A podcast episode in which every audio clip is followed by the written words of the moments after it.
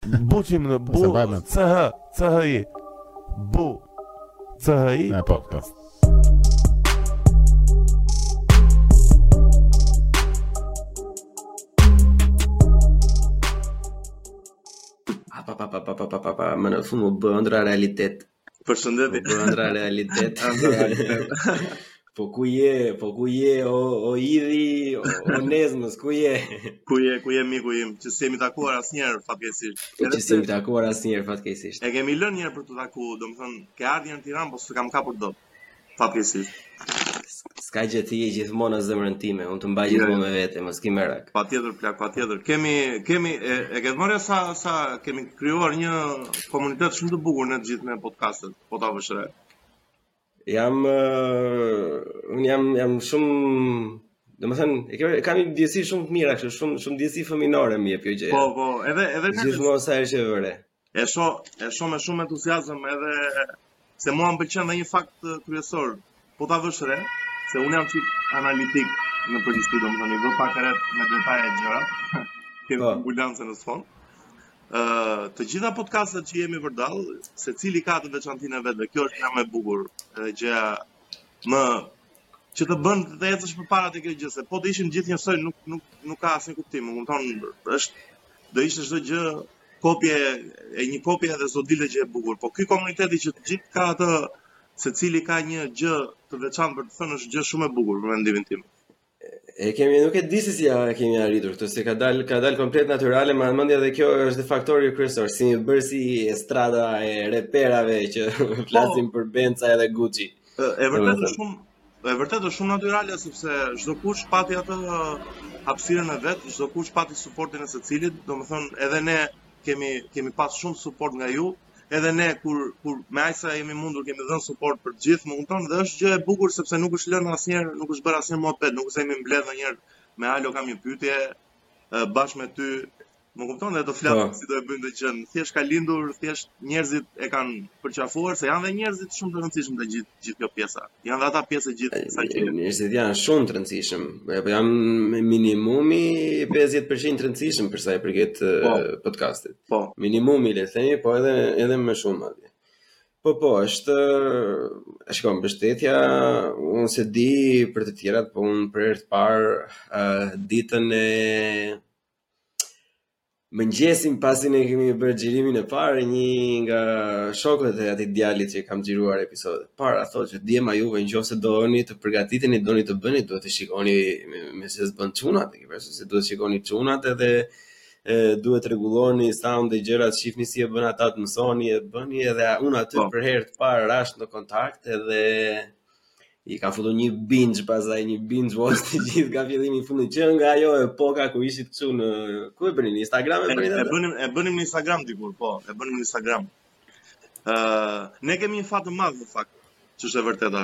Uh, përtej gjithë dëshirës ë uh, po po flas pak si shumë më ndërpre, se jam çik entuziast uh, që Jepi, është për ty. Okay. Është për ty e gjitha. Uh, ne kemi një fat të madh me pak fjalë, kemi një studio. Uh, kemi një studio modeste, do thoja, por që ndër ndër vite është përmirësu, është rregullu, kanë ardhur rob të ri. Kemi muzikantë, kemi rob që merren me miksime, kemi njerëz që merren me art, më kupton Enea, kemi o solo, se më ngacmon Maci, më fal. Ë uh, kemi një ekip Kemi një ekip shumë të mirë që e ndihmojnë shumë njëri tjetrin dhe soundi për shembull, edhe video është shumë edhe puna e e, e palosme e Eneas që e ka bërë të mundur sepse unë dhe Besi nuk është se marrim shumë vesh, marrim vesh patjetër, po që s'merremi shumë me pjesën teknike të gjës. Më kupton? Edhe kjo është plusi që kemi pas. Thjesht kemi pas studion, kemi pas vendin, mikrofonat edhe production value pasaj që kemi Enean që që, që na ndihmon shumë me këtë pjesën, është pjesë e rëndësishme. Mi, normalisht, shiko, mund të kesh dhe, dhe, dhe shumë këto gjërat, e, mund të kesh tiganin më të mirë, po nuk ka rëndësi në qoftë se ke po, po. peshkun në det, e, na im frashe. Po që... Jo, nuk ka rëndësi, nuk ka rëndësi. Ideja është, shiko, ajo standarti, standarti është. Me e madhja se, do me thënë, ndër të tjera, shifrat flasin vetë, reagimi publikut flet vetë, pjesëmarrja, nëpër komente nëpër forume po. në social media domethënë flet vet kështu që ajo çka keni arritur nuk mendoj se është çështje fati plako mendoj se kështu që ju, ju takon ju takon po shumë shumë faleminderit uh, e vlerësoj shumë edhe nga ty fat fat fat e thonë njerëzit zakonisht kur e shohin kur janë çik le të themi arrogant ose që nuk nuk ia dinë asaj punës thonë që ata janë me fat po ha po mo se ata kanë studio ha po mo se ata kanë kështu ke pasur Si jemi ne nga Eva? Jo, njerëzit... Unë me që... Ha, jo, njerëzit, njerëzit, uh, unë vërtet jam shumë falënderues ndaj gjithë njerëzve, sepse edhe, edhe kanë vuajtur pak bashkë me ne, sepse ka pas edhe episode që kemi pas probleme teknike, ka pas edhe episode që kemi pas gjëra që s'kanë qenë aty ku duhet, po njerëzit vërtet janë se duket shumë si klishe, po që vërtet janë ata që të bëjnë të shtysh përpara, janë rob që na që fiksohen kur do dali ky episod ose merrni ndonjë rob të ftuar ose kanë qef, kanë interes ta ndjekin podcastin, përdorin ca shprehje që kanë dalë aty. Dhe kjo është gjëja më e bukur se edhe ne të them të drejtën nuk e kemi bërë asnjëherë që të ë uh, ose të tregojmë që kemi një uh, ne kemi një opinion të fortë për gjithë gjënë që po ndodh, më kupton? Patjetër, po që e kemi bërë edhe si pjesë argëtimi, është thjesht janë uh, rob mesatar, janë vetvetja, tek ne çdokush mund ta mund ta gjejë veten shumë kollaj, më kupton? Dhe flasim për një po. flasim për një temë të caktuar, flasim për fenomene, flasim bëjmë shaka, kalojmë mirë, më kupton se nuk flasim kur është për gjëra serioze, për halle, për situatën ku jetojmë, po që e gjithë është në kuadër të argëtimit që ti edhe argëtohesh dhe informohesh, më kupton dhe krijon një një mendim kritik për jetën sepse ne këtë bëjmë kryesisht edhe siç bën ti është pasin... është goxha është goxha goxha e rritur ajo juve e keni dhe sensin e humorit keni mbi të gjitha fare pastaj që është kimia në në tavolinë aty po. gjithmonë po. është ajo ndihet domethënë ajo të bën po. të bën pjesë pasive ndonjëherë të vjen edhe shumë inat që nuk je në atë tavolinë dhe mendoj se ajo është kulmi që që mund të arrijë po në në një tavolinë do bëhet sa s'bën Plak, do bëhet sa s'bën edhe. un tani të që të që të kalojmë çik në formalitete po. plak, un sinqerisht do doja të falenderoja personalisht po edhe si Besi Andi Podcast pafundësisht për mbështetjen që më keni dhënë në fillim, jashtëzakonisht shumë e sinqertë, domethënë ka qenë vërtet një mbështetje shumë e madhe edhe qershia mbi tortë pastaj në atë episod të 38 aty nga ato 2 minutat e fundit bu. Të hë, i që po. sot njerëzit e dëgjojnë në fillimet e çdo Buçi podcast. Në çdo episodi domethënë po, atë atë si moment e kam hasur që që atë ditë që e kam parë, e kam hasur si moment edhe e kam thënë që do ngelet në mendje dhe të gjithë personat që takojmë tani me ëm um, grupime të ndryshme studentore, profesionale, at, ata 2-3 vjet se nuk janë aq shumë, po. Gjithmonë që e kam parë, gjithmonë fiksojmë atë pjesën plako si e ke bër. Bile para ca kohësh dikush e kishte një nga këto dyqanet online tha më bëj një mua, thashë, nuk e kam bërë më zemra. Unë e kemi marrë hua, thashë, ajo ka qenë, si ajo nuk vjen më, sepse ajo ka ndodhur, ka qenë pa intencion, unë nuk e dija fare, as do bëj, as shout out, as nuk ishte, domethënë, komplet e pan, e pa planifikuar, kështu që ë për këtë dhe gjithë të tjerat plako një falënderim jashtëzakonisht shumë i përzemërt. Ë shumë shumë falënderit edhe ty plak që që e përmend. Unë unë vlerësoj unë vlerësoj përmendimin tim edhe edhe edhe mund të flas edhe për Besën dhe për Enean, domethënë që ne e vlerësojmë shumë një rob që një njeri që që mundohet. Më kupton? E ti ti ke punuar shumë fort për për gjithë podcastin tënd. Më kupton? Nuk Uh, absolutisht. Edhe ke një format, edhe ke një format komplet tjetër. Unë kam ndjekur disa kur kur kur kam, jo kur kam kohë të lirë, se duket sikur jam shumë i zënë, por thjesht ideja që mundohem, mundohem të ndjek edhe podcastet e tjera. Edhe të tuat ndjek atë që kam ndjekur e kam komentuar dhe më pëlqen shumë evolimi që ke bër, evolimi se si e ndërton pyetjen, se si e bën tjetrin të ndihet rehat, se është shumë gjë e vështirë të bësh dikë që s'e njeh fare të ndihet rehat në bisedë.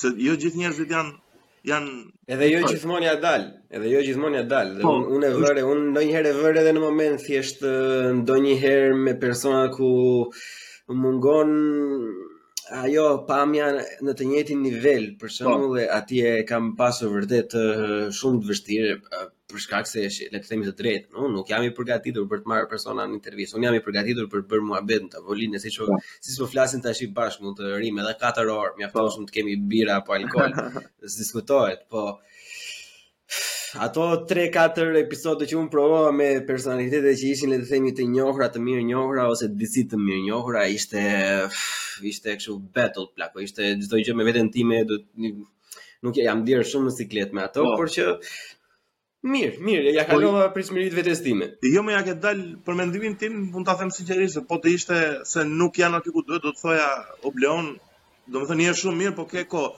Ia ke dal shumë mirë sepse është gjë e vështirë, siç e thash. Nuk është aq gjë e thjeshtë. Edhe un un Unë për shembull kam komunikim shumë të mirë. Flas, jam social, flas me rob, mundohem të të të të kthej gjithmonë përgjigje me rob ose të shkruaj robve, më kupton. Po kur merr dikë që s'e njeh, që s'e ke në Instagram, që nuk e ke, nuk ke relata, nuk ke nuk ke të njëjtin koncept për jetën, është është një det i tërë për të kaluar, për të komunikuar dhe për të nxjerrë një produkt final që është një podcast edhe një gjë që thuhet e mirë, një gjë që thuhet ku di unë që e kuptojnë robt mesazhin që informohen, është është pjesë goxha e vështirë dhe unë të përgëzoj për të se është punë që e, pas disa episodesh të tjera do e perfeksionosh akoma më shumë. Kjo është gjë shumë. Të falenderoj plak. Bravo. Të falenderoj shumë. Po unë kam vënë re. Shikoj, unë iu kam futur detit detit me kokë. për këtë pjesën. E ke parasysh nga që në fillimet ë uh, ajo ndryshe u ideua, ndryshe nisi, ndryshe vazhdoi dhe von von u kthye në këtë që është vënë standardi tani më edhe që unë vazhdoj ta mendoj që është është rruga e duhur dhe që është ai formati që mua më pëlqen më shumë dhe që dua të ndjek. Po shiko, Unë kam pasur surpriza të mira dhe të këqija në këtë anë, domethënë, kam pasur disa që i kam pas njofur në mënyrë pasive dhe mendoja se do ecte shumë dhe ka shkuar grop të pak po. me standardin tim, ka pasur dhe disa që unë thjesht i kisha shkruar një mesazh dhe ka shkuar, fantastike, fare, pastaj, ka përton, ka qenë episod se unë nuk dua t'i rendis tani, shi, po ka pas, kam dhe unë ato pëlqimet e mia me, me sa po. kam kaluar deri tani të më po, thënë. Si grop në çfarë aspekti? Domethënë që s'ishte muhabeti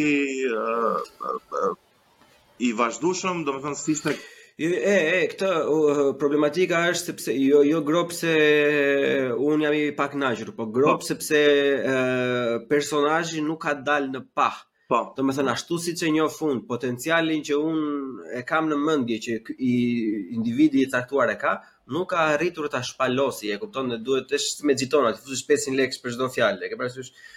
Është është pak për të ardhur keq sepse vërtet domethënë mund të kishte dalë shumë herë më mirë sepse potenciali ishte aty. Thjesht me hamendje po është gjithmonë kjo edhe me herën e parë, me episodin e parë.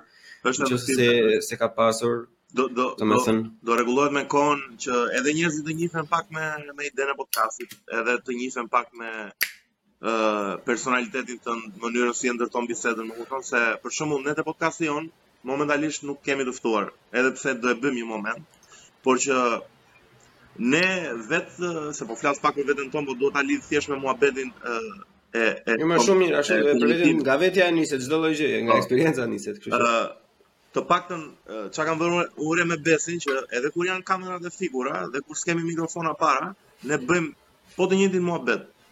Jam unë, domethënë që kërkoj shpesh mendimin e Besit për gjërat sepse Besi ka një uh, observim fenomenal të gjërave, është njeri observues shumë i mirë. Prandaj dhe komedinë e ka aty ku e ka sepse Pika më e fortë si e shoh unë si shoku i vet dhe si bashkëpunëtori i vet në gjithë këtë gjënë që po bëjmë është që është shumë observ, observacional.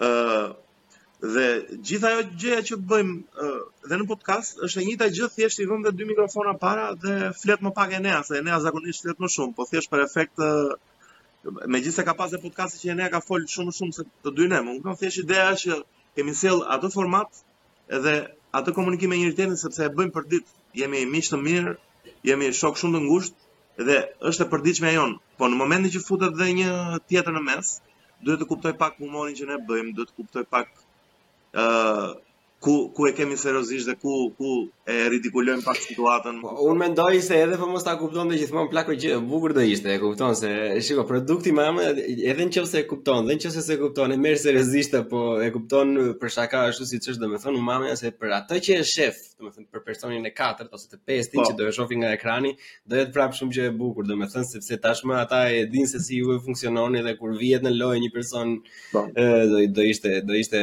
po, prapë pra, gjë shumë e bukur. Unë mezi po e pres atë momentin kur ju të ftoni dikë. Unë unë mendoj, unë mendoj se do jetë do jetë shumë gjë e mirë, po thjesht na duhet është e vërtetë që na duhet një njeri që dhe jo e kupton situatën, po thjesht ta kuptojë që ne kur bëjmë momente humori për të qeshur, nuk duam të bullizojmë as askënd, më kupton, nuk e kemi personale me askënd, ne thjesht hiperbolizojmë dhe dhe qeshim. Pse ka filluar dhe në Shqipëri ashtu që që ofendohen njerëzit lart e poshtë? Ofendohen, ofendohen njerëzit Leon, ofendohen nuk është se ne na janë kthyer në një. Kush e kush ofendon? Pse ofendohen? jo, ka ka disa rob që ndonjëherë i marrin shumë literale gjërat që thuhen, edhe nuk e shohin edhe jetën në aspekt pak më komik, se jeta nuk shifet vetëm m'u cënua mua e drejta dhe nuk jetohet më dhe depresive dhe situata është e errët, situata është shu, jo, jeta shifet dhe me një këndvështrim më pranues, më tolerant. Kështu është, tragjikomedi është. Po pra, domethënë, është jeta e vështirë, do t'ia shtojmë dhe këtë pjesën tjetër tani, do, do ofendohemi me çdo gjë që dëgjojmë në internet, do, do prekemi në çdo nga çdo debat ose nga çdo humor, nuk nuk duhet të jetohet super. Të paktën si e shoh unë filozofinë time të jetës. Po më po, po edhe unë kot bëj që të pyes ty, e kupton, po edhe unë po. kam hequr të zitë e ullirit me me këta që ofendohen lart e poshtë po. dhe që që kapen personale për çdo lloj gjëje, po, si me statusa, si me Twitter-a, si me thënien e për kështu, jo e kishe për atë, jo po pse kështu, jo po e ke për mua, ohu. I kam kaluar këto, mua më ka dhënë ankth këto në fillim, atë po. isha dishti. E kupton, mua në fillim ngaqë po. s'isha mësuar me këtë pjesën, unë s'kam pasur asnjë lloj dalje me asnjë lloj gjëje tjetër, e kupton, kam qenë po, për një pjesë të madhe pa asnjë lloj kontakti dhe në fillim fare, domethënë kur i ndinjohesh nga shumë njerëz, atëherë në fillimet e para që kemi marrë kërcënime me jetë për shembull. Po, kërcënimet. E diu stres valla. Po, kërcënimet, kërcënimet nuk mungojnë patjetër, por nuk nuk janë janë 0.003% e gjithë gjësë që bëhet. Më kupton? sepse kur dikush ofendohet për një humor që bëhet për për për figurën e Jezu Krishtit, më kupton që nuk hidhet baltë te figura e Jezu Krishtit. Po bëhet humor me një situatë nga gjithë ngjarja biblike, nuk bëhet humor mbi fenë e dikujt, se nuk na intereson çfarë feje ka dikush, më kupton? Unë e kaloj dhe një hap më shumë. E, e them edhe me edhe me fenë po të bësh shaka. Duhet ta kuptojë ai individu, duhet ta kesh pjekurinë intelektuale dhe komike ta kuptosh kur është shaka dhe kur nuk është. Shumë saktë. E gjitha pastaj, e gjitha pastaj është nuk dua të bëj kështu si si smart guy dhe si e gjitha pastaj është te toleranca, për mendimin tim që mungon pak. Unë unë për vete jam shumë tolerant, nuk lejoj të më bëjnë shaka. Ë jetoj në një komunitet që kam dhe miq më të vegjël se mosha ime dhe miq më të mëdhenj në moshë dhe i kuptoj balancat dhe normat shoqërore, por gjithsesi shakanë e toleroj dhe jam shumë njeri që shoh, shoh vetëm jo gjënë pozitive, naive, idiote, që oh, kjo gjëja është think positive, thjesht shoh anën më të mirë dhe të njerëzve dhe të komunikimit dhe të robëve që mund të jenë pak më agresiv, pak më pasiv agresiv, më kupton, nuk e shoh fare këtë pjesën. Unë kur do arrij të shoh të keqen te ty e zëmë, po marr ty meqë komunikoj po, po. te ty, do do i ndërpres automatikisht marrëdhëniet me ty se më shkakton më shkakton një një një vështirësi në jetën time në thonjëza që nuk nuk e dua, s'kam pse, më kupton? Kjo është po s'e vjen gjë mba robi pastaj. Po vjen gjëmba gjithmonë që apo se do po ta them unë kështu do marrja ashtu, domethënë edhe Unë i kam kaluar pak pak pak si vonë këto, siç e thashë, që nuk kam pjesë, por që e kam vënë re tani që e kupton thjesht nuk ia vlen sepse është e vërteta është ajo që the ti, që e the shumë bukur, që janë një pjesë jashtëzakonisht shumë e vogël, po janë thjesht e, e ngrenë zërin shumë dhe duket sikur e mbysin atë ambientin, por në fakt nuk është se kanë rëndësi. Po, dhe pastaj e di se si këta çohen nga gjumi, domethënë se shiko, kërkon dhe një farë lloj Hajde tani t'ia fusim, t'ia fusim me top. Kërkon, kërkon, kërkon një farë lloj brishtësie, një, po edhe le të themi ëm si cila është fjala më e bukur, një një errësirë në jetën e një njeriu që të vendosë të shkruajë një koment negativ, domethënë po. që të marrë kohë nga jeta e tij, nga nga dita e vet, domethënë edhe Thotë unë tani do do shpërndaj helm. Kërkon një farë po. lloj errësire kjo, e po, kupton? Po, po, se problemi është dhe këtu që zakonisht nuk mendohet që të bësh kritikë, se kritika është shumë e bukur. Mua më pëlqen kur dikush më shkruan dhe më bën kritikë për çdo gjë. Po. Për për për një gjë që e them shumë shpesh, një fjalë që për, ose një story që e them herë pas here se më pëlqen shumë dhe harroj, më kupton ose një koment teknik zëri, vokali, ose në një temë që nuk e dim se dhe ne nuk i dim gjitha, unë kam patjetër s'jemi të gjithëditur. Por është tjetër gjë kur ti kritikon dhe është tjetër gjë kur ti thjesht uh, uh, ofendohesh kaq shumë nga një situatë që s'duhet ofendohesh fare dhe dhe kalon kalon në ca uh, unë për shembull jam shumë jo fans i sharjeve në internet, më kupton, nuk kam nuk kam shar asnjë në internet, as do e bëj ndonjëherë dhe më duket shumë e ulët, kam kritikuar pafund Ju kam shkruajtur bandave për muzikën që dëgjoj, filmave që shkruaj shpesh për filma, më kupton, mundohem domethënë, po gjithmonë është në një kritik konstruktive, nuk është asnjëherë në pikpamjen që dikë ta godas unë se s'më pëlqeu mua ose s'është dakord me këndvështrimet e mia. Kjo më duket paksa Neandertalizëm, paksa gjë arkaike, shumë e vjetër. Po kupton edhe. Më, mendoj se është, mendoj se është edhe edhe një çik më shumë se aq Andi, po ta kuptosh për shembull se e, shiko, ajo injoranca e momentit për shembull mua më ka çuar shpesh herë të futem në debate dhe debate vërtet shumë të forta, domethënë, sepse unë po mendoja që ishim duke diskutuar për të zgjidhur një ose për të diskutuar rreth ideve ose rreth mënyrës se si e shihnim botën kur në fakt unë kisha uh, përballë meje një person që po debatonte vetëm për të fituar debatin me çdo lloj kostoje të mundshme, po, e kupton? Po. Edhe më nuk e di se si se nuk para më ndodh shpesh domethënë, e kuptova pastaj mbas shumë kohe që nuk më falej në fakt që thjesht uh, I was getting played, e kupton, isha po. ishte ishte e humbur çdo gjë dhe po jepja një një një vëmendje që në fakt ndonjëherë le të themi të drejtën nuk do t'ja japësh. Po njerëzit njerëzit që duan të fitojnë debate nuk bëjnë diskutim për mendimin tim. Bëjnë uh, thjesht uh, një prepotencë, një arrogancë masive për të treguar pasiguritë e veta të karakterit, më kupton se unë për shembull bëj shumë debate, unë me Enean flas gjatë gjithë kohës, edhe tani që vonova pak isha në studio për ca punë organizimi dhe jemi gjatë gjithë kohës që diskutojmë, komunikojmë, themi pakënaqësi, themi ide, themi plane, themi projekte dhe komunikojmë. Jem dy botë të ndryshme, janë dy mendje të ndryshme që ndërtojnë një urë, një kanal të përbashkët mirëkuptimi dhe kuptimi, normalisht, që flasim dhe merremi vesh dhe marrim vendime. Unë këtë gjë do doja shumë, ia uroja shumë që ta, ta, ta, ta, ta, ta mbjellim pak në veten tonë, se është gjë shumë e bukur në gjithë e të qenë. Mirë shiko po me Enean është pak më më më më e thjesht për shkak se duhet të jetë Enean e ke përditë, po ajo çka doja të ta që ta mbjell unë bashkë me ty meqë meqë e përmende domethënë është fakti se të njëjtën gjë duhet të bësh dhe me një person që nuk e njeh më. Po, kupton, nuk nuk niset njeriu gjithmonë që ky është individ i keq, domethënë duhet në qoftë se ti do të arrish diçka të mirë, atëherë duhet ta nisësh me predispozitën që ai që ke përballë është i mirë, derisa të provojë të kundërtën. Absolutisht. Po ta provojë të kundërtën atëherë, okay, e kupton.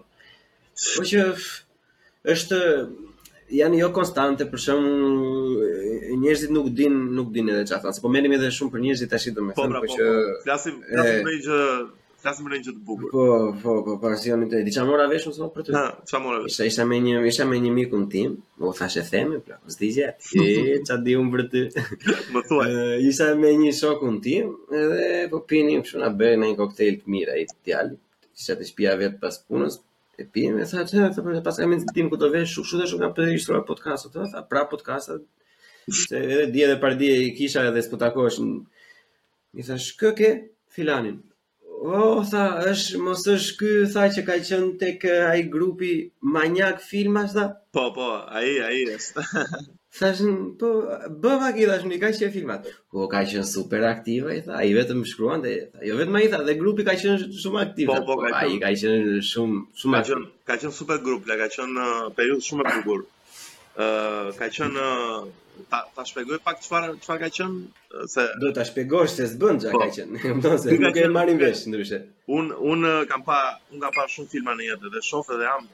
E para punës jam fans i madh filmi, më pëlqejnë shumë filmat. Edhe më pëlqejnë të gjitha llojet, nuk është se shoh vetëm filma horror, vetëm art house ose filma comic book, unë i shoh të gjitha. Po edhe Drilon Hoxhën. Drilonin e kam parë më shumë për ta gjykuar. Më kanë thënë që ka bërë punë të mirë të fundit, por gjithë filmat e tjerë nuk janë aty ku duhet, për mendimin tim. Por që Driloni bravo i qoftë për atë që po ndërmerr, se është gjë shumë shumë e rrezikshme, se hidhen shumë lek për atë punë. Por që ideja është që këtë gjithë fansllëkun tim të filmit e kanalizova në një grup Facebooku që nisi si shaka, nisi më shumë mos i çaja trapin robve te Facebooku im personal. Hajt futu te ky grupi dhe kush ka qef me fol, Hajde, hajde të flasim dhe Oh, e ke krijuar ti. Unë e kam krijuar bashkë me një uh, miku. Si, si. Po, po, unë e kam krijuar, Bler. Po bashkë me një shokun tjetër që ishim koadmin, bashkë me Elin edhe shokun tim të ngushtë. ë uh, Bashkë ndërtuam një komunitet që fliste për filmin në mënyrë kritike, edhe në mënyrë konstruktive. Fliste për çdo lloj filmi, duke nis nga Avengers deri tek David Lynch, Deri te regjisorët më të mëdhenj Kubrick me shok, më kupton? Dhe po. ka pas shumë aktivitet sepse ne bënim dhe ca party.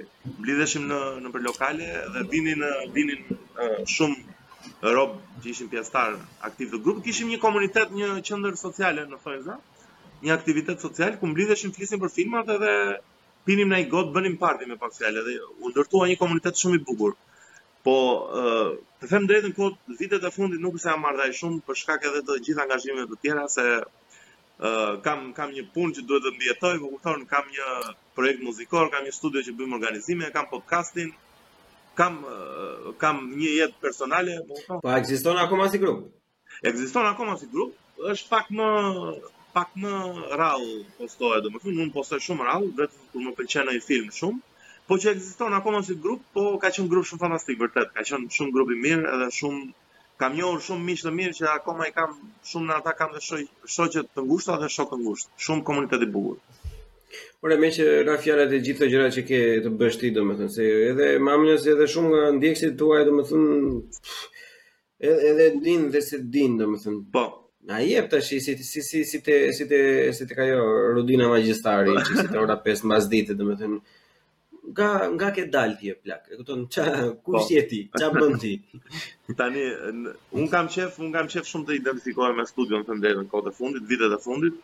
unë kam një dua shikoj njerëzit që të lidhen në mënyrë sentimentale duan dhe pak gjenezën e ke parasysh po. ato fillime të po. vështira etj etj po tani si qe nga fillimi atëherë unë kam qenë një një ë djal me ëndrra nga qyteti që unë e dua shumë nga Onezmi nga Saranda ime e bukur ë përshëndetje në Onezmi Përshëndetje shumë, e kam pikë të dobët atë që atë qytet Leon, e dua fort, ë kam, kam kaluar shumë gjëra aty, shumë shumë gjëra të bukura, shumë gjëra që më kanë rritur, më kanë bërë rob dhe unë i kam parë atij qyteti vetëm kulturën, të them drejtën. I kam parë vetëm anën e mirë.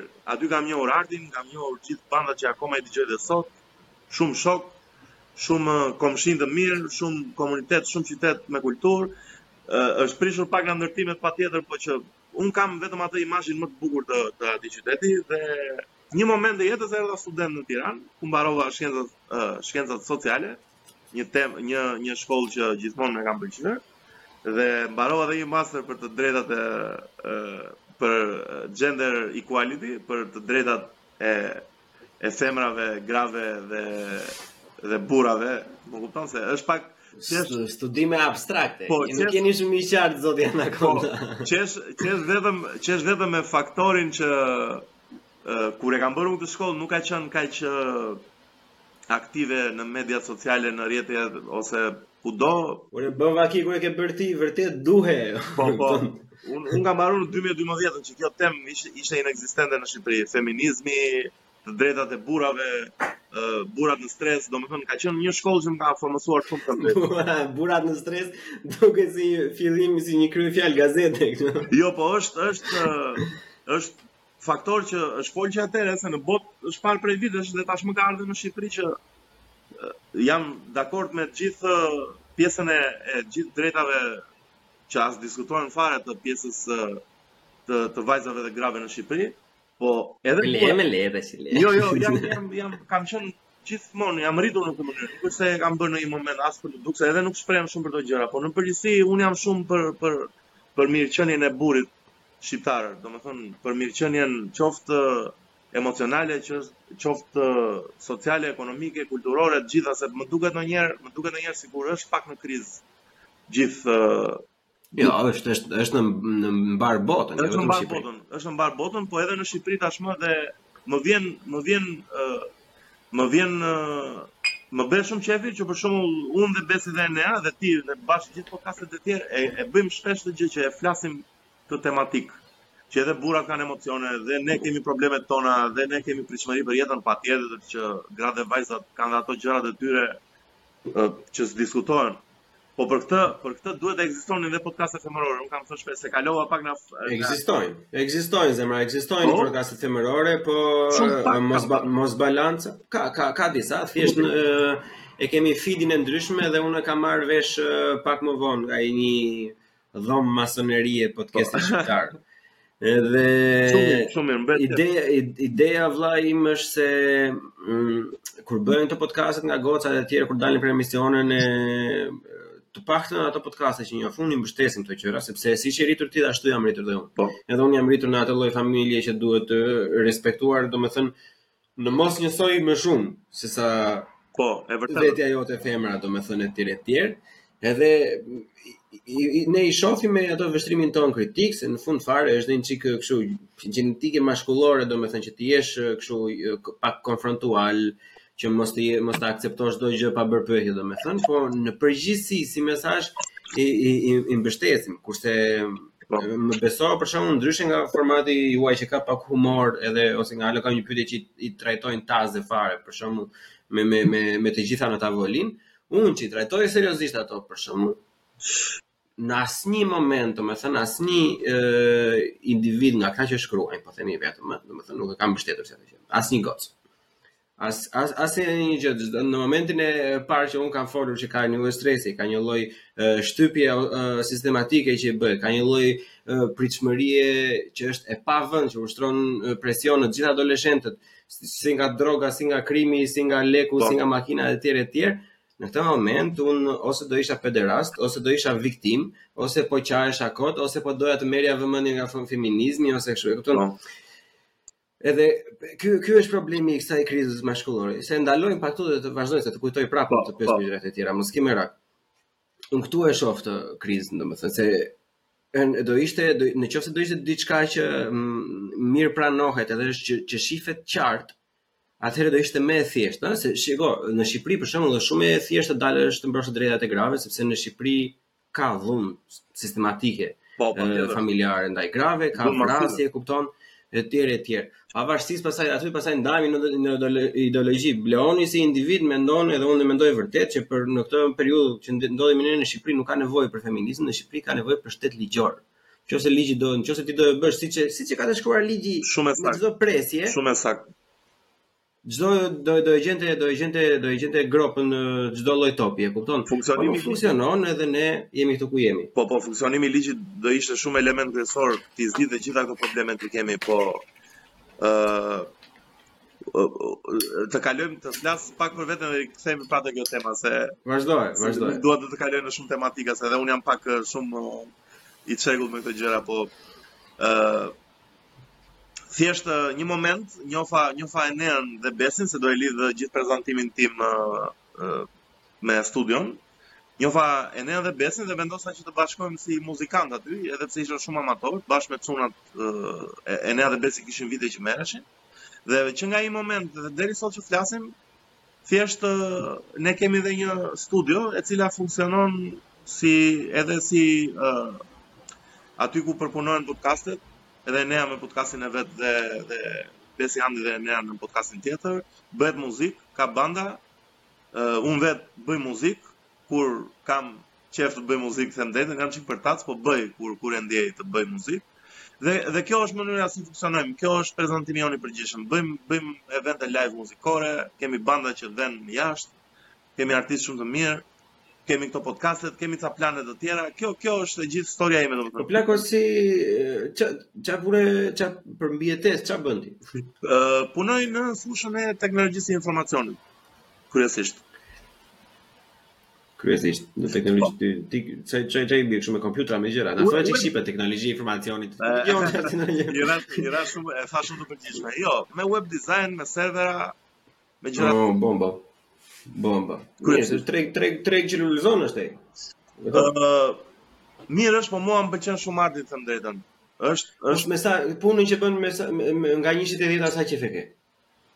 E kam qejf, nuk është se s'e kam qejf. Uh, nuk e paske shumë qejf, po s'ka numër s'e paske shumë qejf. jo, do thoja, do thoja, do thoja shtat uh, thjesht në, në aspektin që mua më pëlqen më shumë pjesa artistike, të them të drejtën, ë uh, sesa, uh, domethënë, nëse do bëja, nëse do merresha vetëm me art, nuk do më nuk do më prishte as edhe një problem në jetën time. Po edhe nëse ma defino një çik atë pjesën zemra. Ma si? defino një çik atë pjesën vllai kur thua që do të merresh me art. Unë unë e kuptoj deri në një farë pike, por duhet të jetë pak më i qartë për atë që e dëgjon. Po e kur thua gjithmonë që të pëlqen më shumë pjesa e artit dhe nëse do do jetë, nëse do merresh gjatë gjithë kohës me art do ishe shumë i kënaqur. Çfarë nuk kupton ti domethënë? Çfarë çfarë është art për ty domethënë? Çfarë çfarë ke qejf ti të bësh? Uh, Unë jam, unë jam njeri që vlerësoj shumë ekspresivitetin e dikujt. Domethënë, të di si Bleoni sillet kur unë jap një instrument, një kitare, ta zëmë, një piano.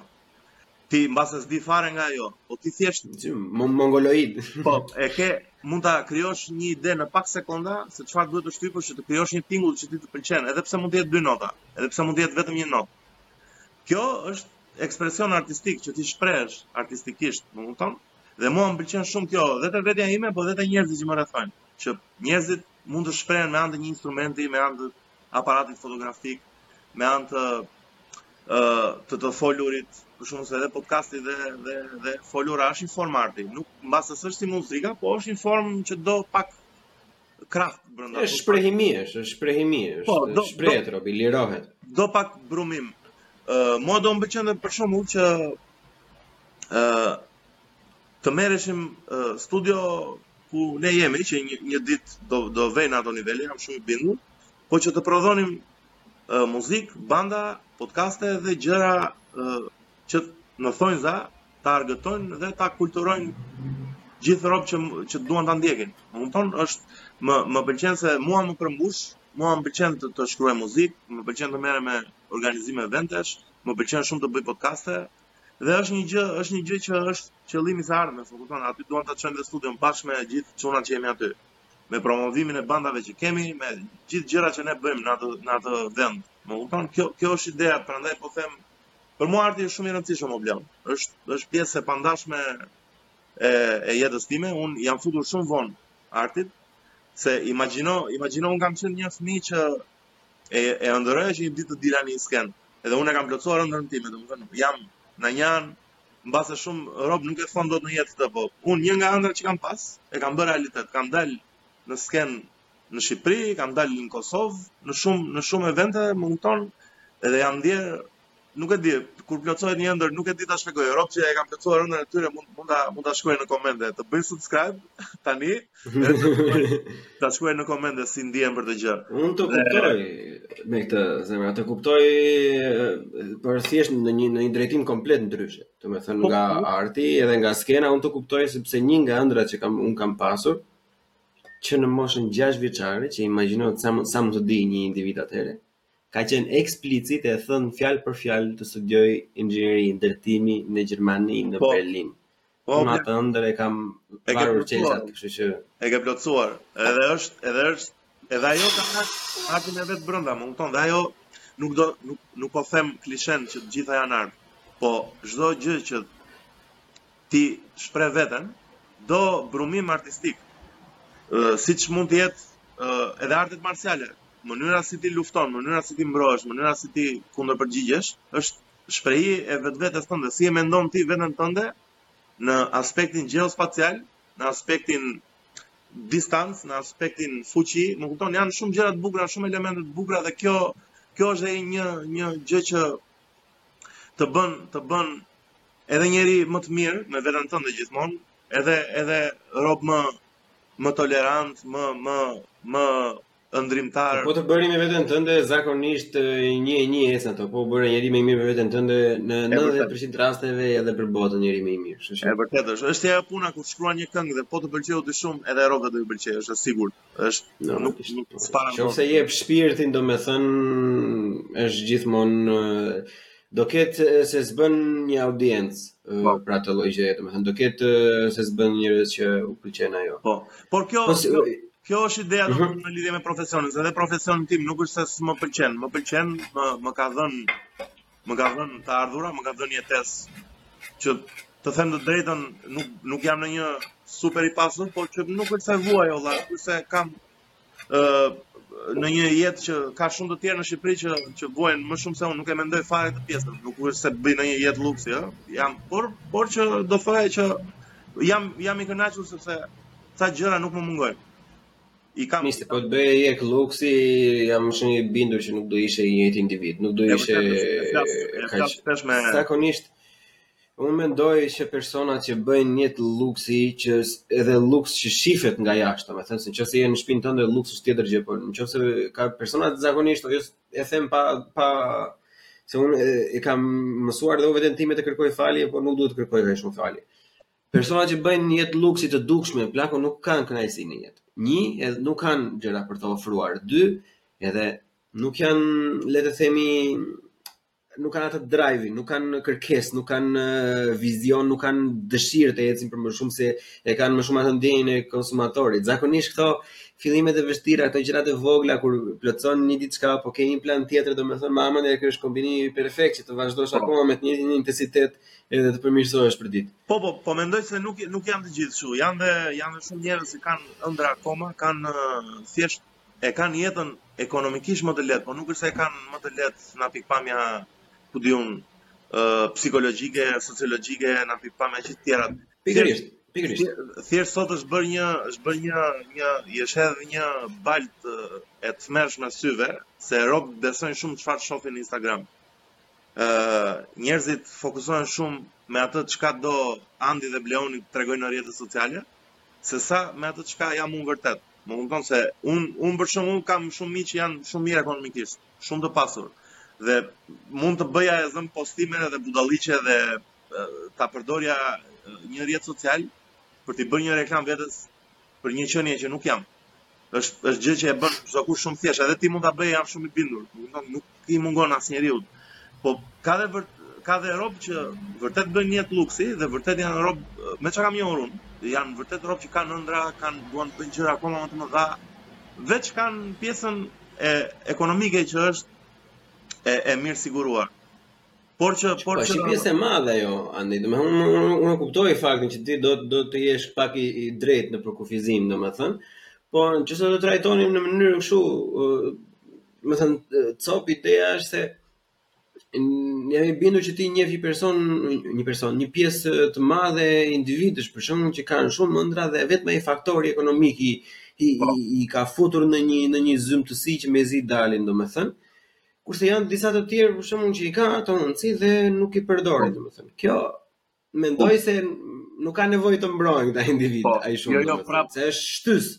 Prap filozofia ime është shumë unë e kam shumë qejf Dostojevskin për shembull dhe ai mjerimi duhet mjerimi duhet qoftë në qoftë në art, qoftë në mënyrën si përballon jetën, qoftë në në punën që bëm, duhet një formë lloj mjerimi, një Mjerimi është biblik. Po pra është. Është biblik. Se duket sikur jam pak depresiv në mënyrën si e them, po thjesht në aspektin që duhet të jetë dhe kjo pjesë të jep një shtysë për për të ikur më tej akoma, që të që të jesh larg atij mjerimit dhe mjerimi është shumë frymëzues, sepse ti kur je për shembull po flas në aspektin muzikor, ë uh, muzika që që kam bërë unë tërë jetën, është fokusuar gjithmonë në periudhën e jetës time. Kam shprehur gjithmonë gjëra që i kam ndier dhe i kam kaluar dhe i kam jetuar dhe jam munduar t'i sjell në një format muzikor, sepse edhe edhe robt e kanë më të thjeshtë të dëgjojnë një storie timen, e thënë me muzikë, se sa të dëgjojnë 10 këngë të ndryshme, për, për, për, ku di un, për një Iks temë. Është më mirë ta thuash si e mendoj unë, si e perceptoj unë muzikën. Normalisht, normalisht. Është më mirë ta tregosh historinë e plotë, që unë Leonit ia jap albumin tim dhe i them, dëgjoje fillim fund dhe më thuaj çfarë mendon, po mos dëgjo këngën këtu, këngën aty, dëgjoje të gjithin. Sepse kështu duhet parë, duhet të shohësh the big picture. Dhe ajo ajo pjesë e krijimit vjen shumë nga mjerimi. Vjen shumë kur ti je në një moment të vështirë në jetë ku ke ë kur ke gjëra që nuk të shkojnë dhe aq mirë dhe ti do ta shprehësh muzikalisht, sepse kur je në qejf nuk të vete mendja të bësh muzikë dhe art, më kupton që je shumë tralala ose kalon shumë mirë, sepse edhe edhe gjërat që do të dalin mbase nuk janë dhe kjo është filozofia ime, ëh, nuk funksionon për të gjithë. Çdokush e shikon vetë pastaj gjen pjesën artistike, po kshu kshu e mendoj unë të paktën. Gjërat më jo, thjesht po, po mendoj, po mendohem vetëm për faktin se kam qejf ndonjëherë të të bëj të të luaj në thonjëza anën tjetër, domethënë sepse un kam një për një të njëjtin mendim që ke ti, domethënë po thjesht po mendoja si mund të ishte një argument tjetër, po pak e vështirë. Po një argument tjetër ishte këta që e kanë një çik më më të kënaqshme mund të nxjerrin dhe këto produkte të produktet muzikore për shembull që janë kështu happy times, e kupton, që janë pa bërthamë, janë thjesht konsum që të jep atë dopaminën e momentit. Patjetër dhe dhe ato kanë vlerësimin e tyre, po un jam shumë un jam shumë te trashëgimia se do vijë një ditë, do vijë një ditë që as ne nuk do jemi më vërdallë, do vijë një ditë që do jenë fëm, fëmijët tanë do jenë mbesat nipërit dhe do dikush nga këta do futet në internet dhe do kërkojë për shembull në të shkuarën e, e Shqipërisë Një një artist edhe një një muzikant për shembull që e përmbush dhe zëm imagjino çfarë impakti do marrë kur do gjejë Djemtë e Detit. Do t'i gjykojë, do t'i gjykojë, do t'i gjykojë Djemtë e Detit nga produksioni, do t'i gjykojë nga mënyra si i kanë regjistruar këngët, por nuk i gjykon dot nga pesha artistike që kanë. Nuk i gjykon dot nga revolucioni që kanë bërë për ato vite. Unë për këtë jam, kështu e shoh artin, e shoh si trashëgimi që dikush do e marrë nesër dhe do e shofi e zëm albumin që kam bërë unë ose muzikën që ka bërë Nea me Besin, Beni, gjithë çunat e tjerë që kam në studio dhe do e shohin si si një uh, time capsule të atyre viteve që kanë qenë vitet 2023, 2020, 2015 Dhe disa të rinj ose të vjetër, nuk ka rëndësi mosha, kanë bërë këtë lloj muzike, sepse kanë ndjerë këtë gjë, sepse kanë dashur të thonë këtë gjë. Dhe është gjë për mendimin tim, jo se mbivlerësoj pafund gjën që ne bëjmë, por që kam besim dhe jam shumë i bindur se të gjitha nuk ka nevojë për të thënë mbivlerëson s'e mbivlerëson, do ta vlerësosh atë që bën, duhet të kesh po. respekt për atë që bën. Jo, jo, mos mos mos e justifiko veten për këtë pjesë plaku. Nuk ke pse e justifikon veten. se mbase duket sikur hedh baltë për zhanrat e tjerë, se ne kryesisht, domethënë studio jon Xhemal Studio, ku është dhe podcasti ku janë dhe bandat. Ne kryesisht fokusohemi te muzika alternative, domethënë ka rock, ka metal, ka uh, trip hop, ka ca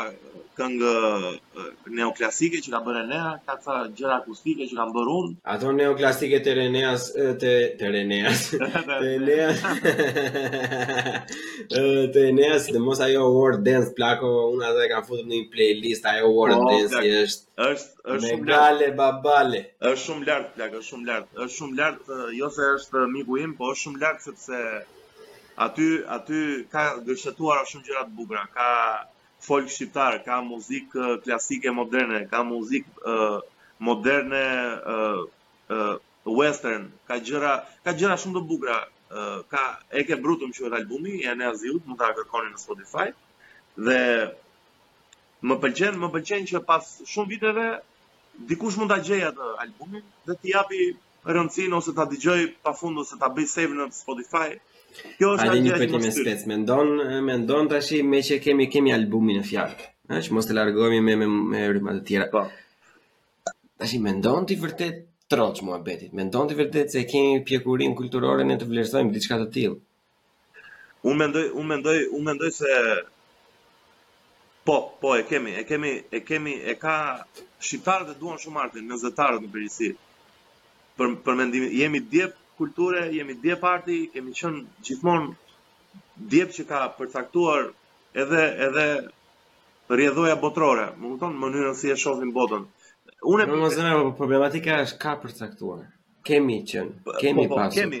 Ideja sot, ideja sot është problematika sot është te dukshmëria. Unë mendoj se për shembull kur artistë si Elvana Gjata janë në kryefjalën e gjës, shumë mirë që janë.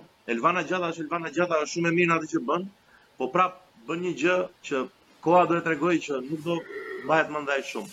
Dhe një gjë që 90% e këngëve të Elvana Gjatës po. që nuk i un akoma kur më thon Elvana Gjata kënga e parë që vjen në mend është ajo Mamës ajo. Po. Më kupton. Të tjerat nuk i mbaj mend. E ka afatin kohor për mendimin tim si e shoh un të paktën shumë të shkurtër. Ndërkohë Djemtë e Detit janë të pavdekshëm. Aurela, Aurela Gaçe, para, para se të bënte këtë këngë që bëri, është e pavdekshme në kulturën shqiptare. O zemra, po të them dhe një gjë të trishtë ty, meqë po thua e pavdekshme. Më thuaj, të trishtë e që e diti, e diti në qofë se dalin pesë moshatarë të mi, tani E vëm bas, unë unë unë ta jap një gisht në dorë nëse më shumë se gjysma e di kush janë Djemtë e Detit.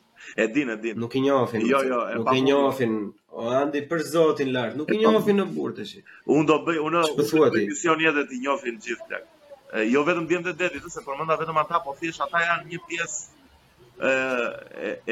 Një gjë që mua më ka hap shumë sytë, kur i kam parë unë, kur kam parë festivalin e viteve, se e kemi folë dhe tek podcasti që kemi bërë interval muzikor, kur kam parë festivalin e atyre viteve, dhe gjithë krijimet e atyre viteve, mua më kanë formësuar se më kanë bërë ky që jam sot.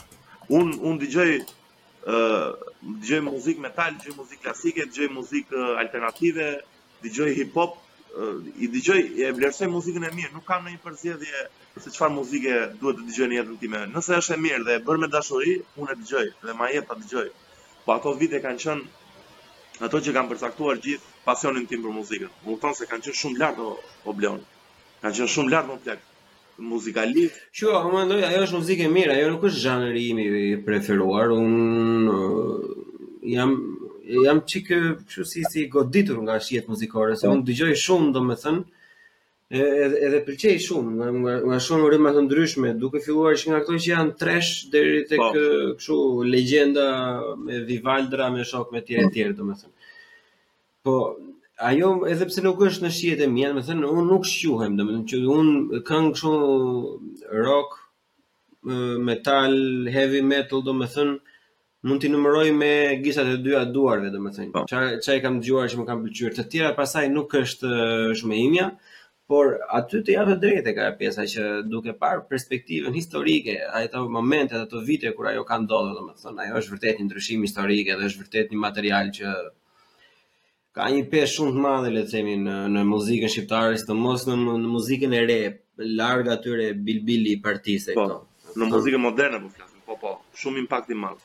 Dhe kjo kjo është ajo që më pëlqen te Ardi, vizioni që ke për ta parë të ardhmen ë Si do jetë kur dikush do e zbuloj këngën që kam bërë unë, si si do e përjetoj, më intrigon shumë o vlla, më më më pëlqen shumë si. Është edhe guximi.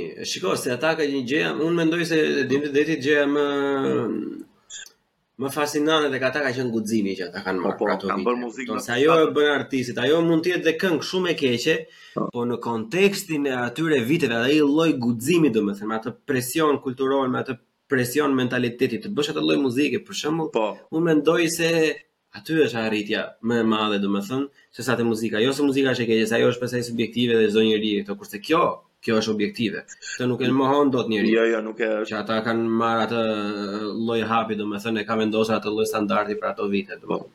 Mund unë s'e di. Këtë këtë tentoj. Gjallë janë ata? Urdhëro? Gjallë janë ata?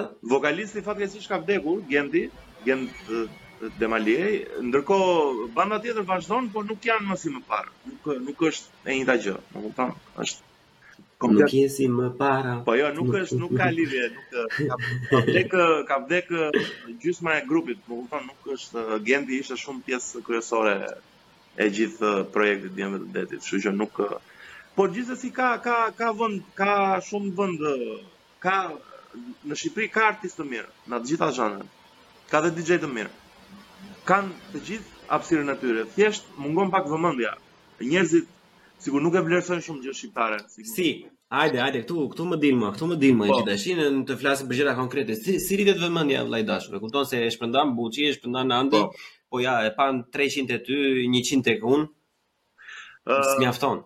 Tani te kjo pjesë, te kjo pjesë nuk di, nuk di ta them se nuk, nuk është se, nuk është se e kam kuptuar ndonjëherë shumë se ku, ku, ku e rreh secili për pjesën artistike, po unë mendoj që, uh, për shembull, vitet e fundit në Shqipëri nuk është se kanë guxuar shumë njerëz ose nuk guxojnë shumë të rinj të bëjnë muzikë rock. Që kur isha unë i vogël, ishte shumë cool të ishe në gjimnaz dhe të kishe një band muzikore.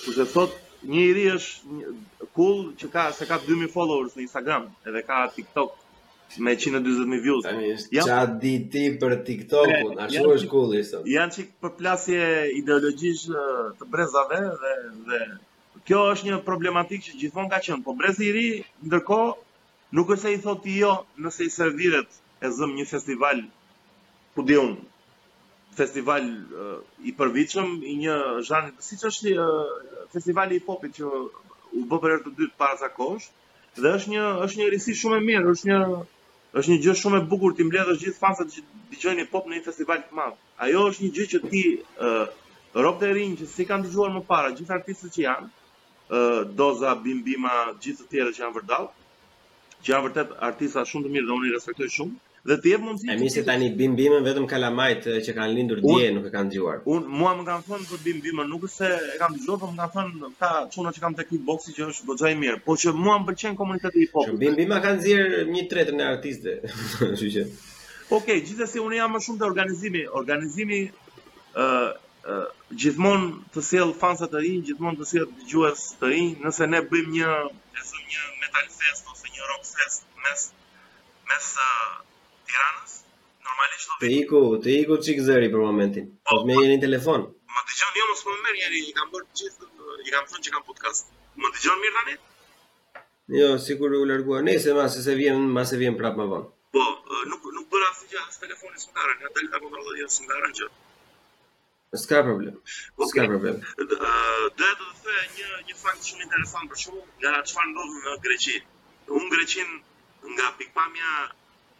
politike dhe kulturore dhe sociale e kam shumë qef, them të drejtën. Përveç gjithë problematikave që kemi pas me me termin grek edhe me popullin grek. Po unë në fund të ditës unë e shoh që jemi Ballkanas edhe jemi një një një vend pak a shumë. Greqia ka një sistem shumë të bukur se si të rinë i çon drejt drejt artit se Greqia ka një ka një festival që quhet School Wave Festival. Në këtë festival uh, gjithë gjithë gjimnazet e gjithë Greqisë nxjerrin muzikantë të çdo lloj zhanri, por kryesisht janë alternativ, rock, grunge, uh, ku di un trip hop, metal dhe bëjnë një festival madhor dhe vin banda nga gjithë Greqia me studenta dhe luajnë Në një festival me me me 1000 veta, po kupton që është është një promovim shumë i madh dhe për atë artistin e ri që luan, po edhe për njerëzit që dëgjojnë muzikë alternative të jenë muzikë të prodhuar nga nga shokët e tyre, më s'kan s'kan ardhur ndonjë band, s'kan ardhur Metallica nga Amerika të luajnë Greqi. Janë shokët e tyre që i shohin për ditë. Është Bleoni, ah. Është Andi, është Besi dhe Iksi, më kupton që bën muzikë. Dhe kjo është një gjë që të jep të jep shumë shtys, sepse arti gjithmonë nuk është se do do të çoj ë në ku di un do do të sjellë gjëra negative në jetë. Veç gjëra pozitive ka të merresh me artin. të bën njeri më të mirë, të bën njeri më tolerant, më të kulturuar, je i fokusuar ke qëllime në jetë, të bën ëndërrtar, më kupton arti, arti dhe sporti janë dy gjëra që nuk ndahen nga qenia njerëzore për mendimin tim. Të gjithë duhet të bëjnë në një moment të jetës. Duhet t'i t'i yeah. fusin, t'i fusin pak në një kuti brenda vetes së tyre dhe t'i përdorin, sepse janë pjesë e ekzistencës tonë. Janë të dyja mënyra se si ne shprehemi, qoftë në art, qoftë në sport, që të dyja janë krafti i të bërit art. Prandaj unë do ta them, do ta them një ide për të. Po shife kontrollon një herë atë telefonin, mos të mos të është lidhur gjë me me ato kufje çfarë, mos e ke atë kutinë jo, jo. hapur. Kufjet, kufjet nuk Ja tani erdhi, erdhi, lëre, lëre, erdhi. Okej, okay, okay. Erdhi. Okay. Nuk e di ça ndodhi, po erdhi pra. Unë e kam bër be vetes time, domethënë që un kur të bëhem me fëmijë dashtë zoti, ë kam për ta pasur detyrim një art e një sport. Do ken dorë të lirë të zgjedhin ça t'i dojë i qefi atyre.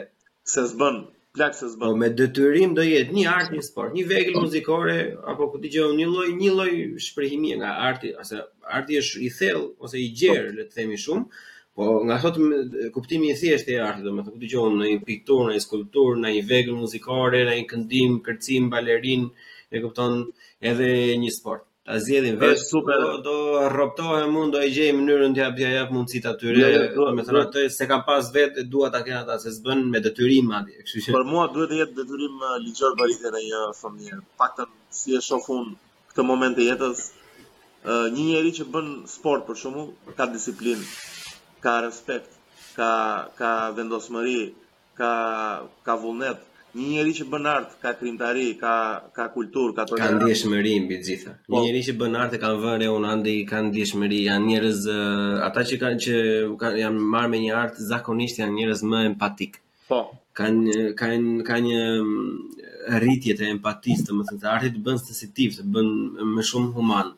se sa po të jesh gjithë kohës kështu si si në kazermë domethënë. Edhe edhe prandaj edhe prandaj edhe unë e them shpesh edhe bëj me njerëz si më thonë za si influencer se s'dua ta bëj fare po që thjesht ngaqë mua më më kanë bërë shumë mirë, mendoj se edhe robëve ju bëjnë shumë mirë.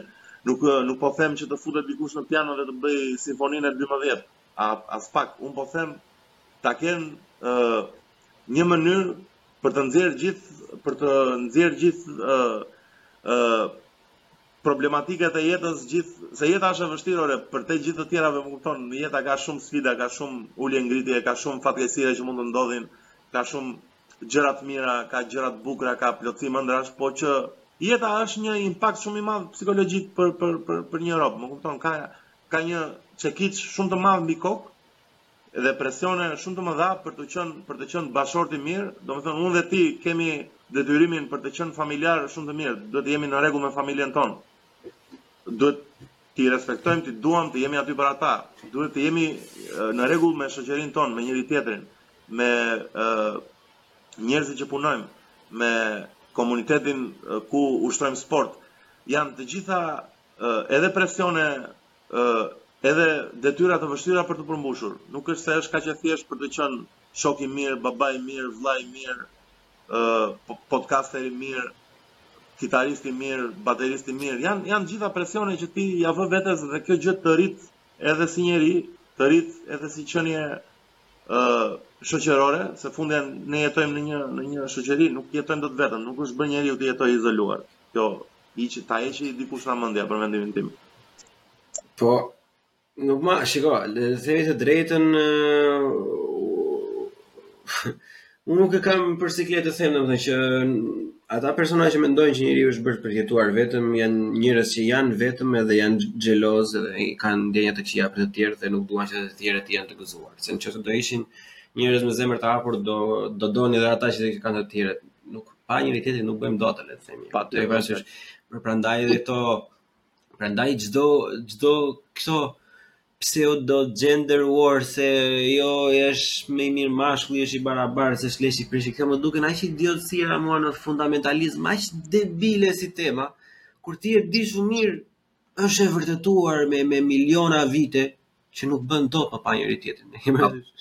Është kaq e thjeshtë. Sot është kaq e thjeshtë.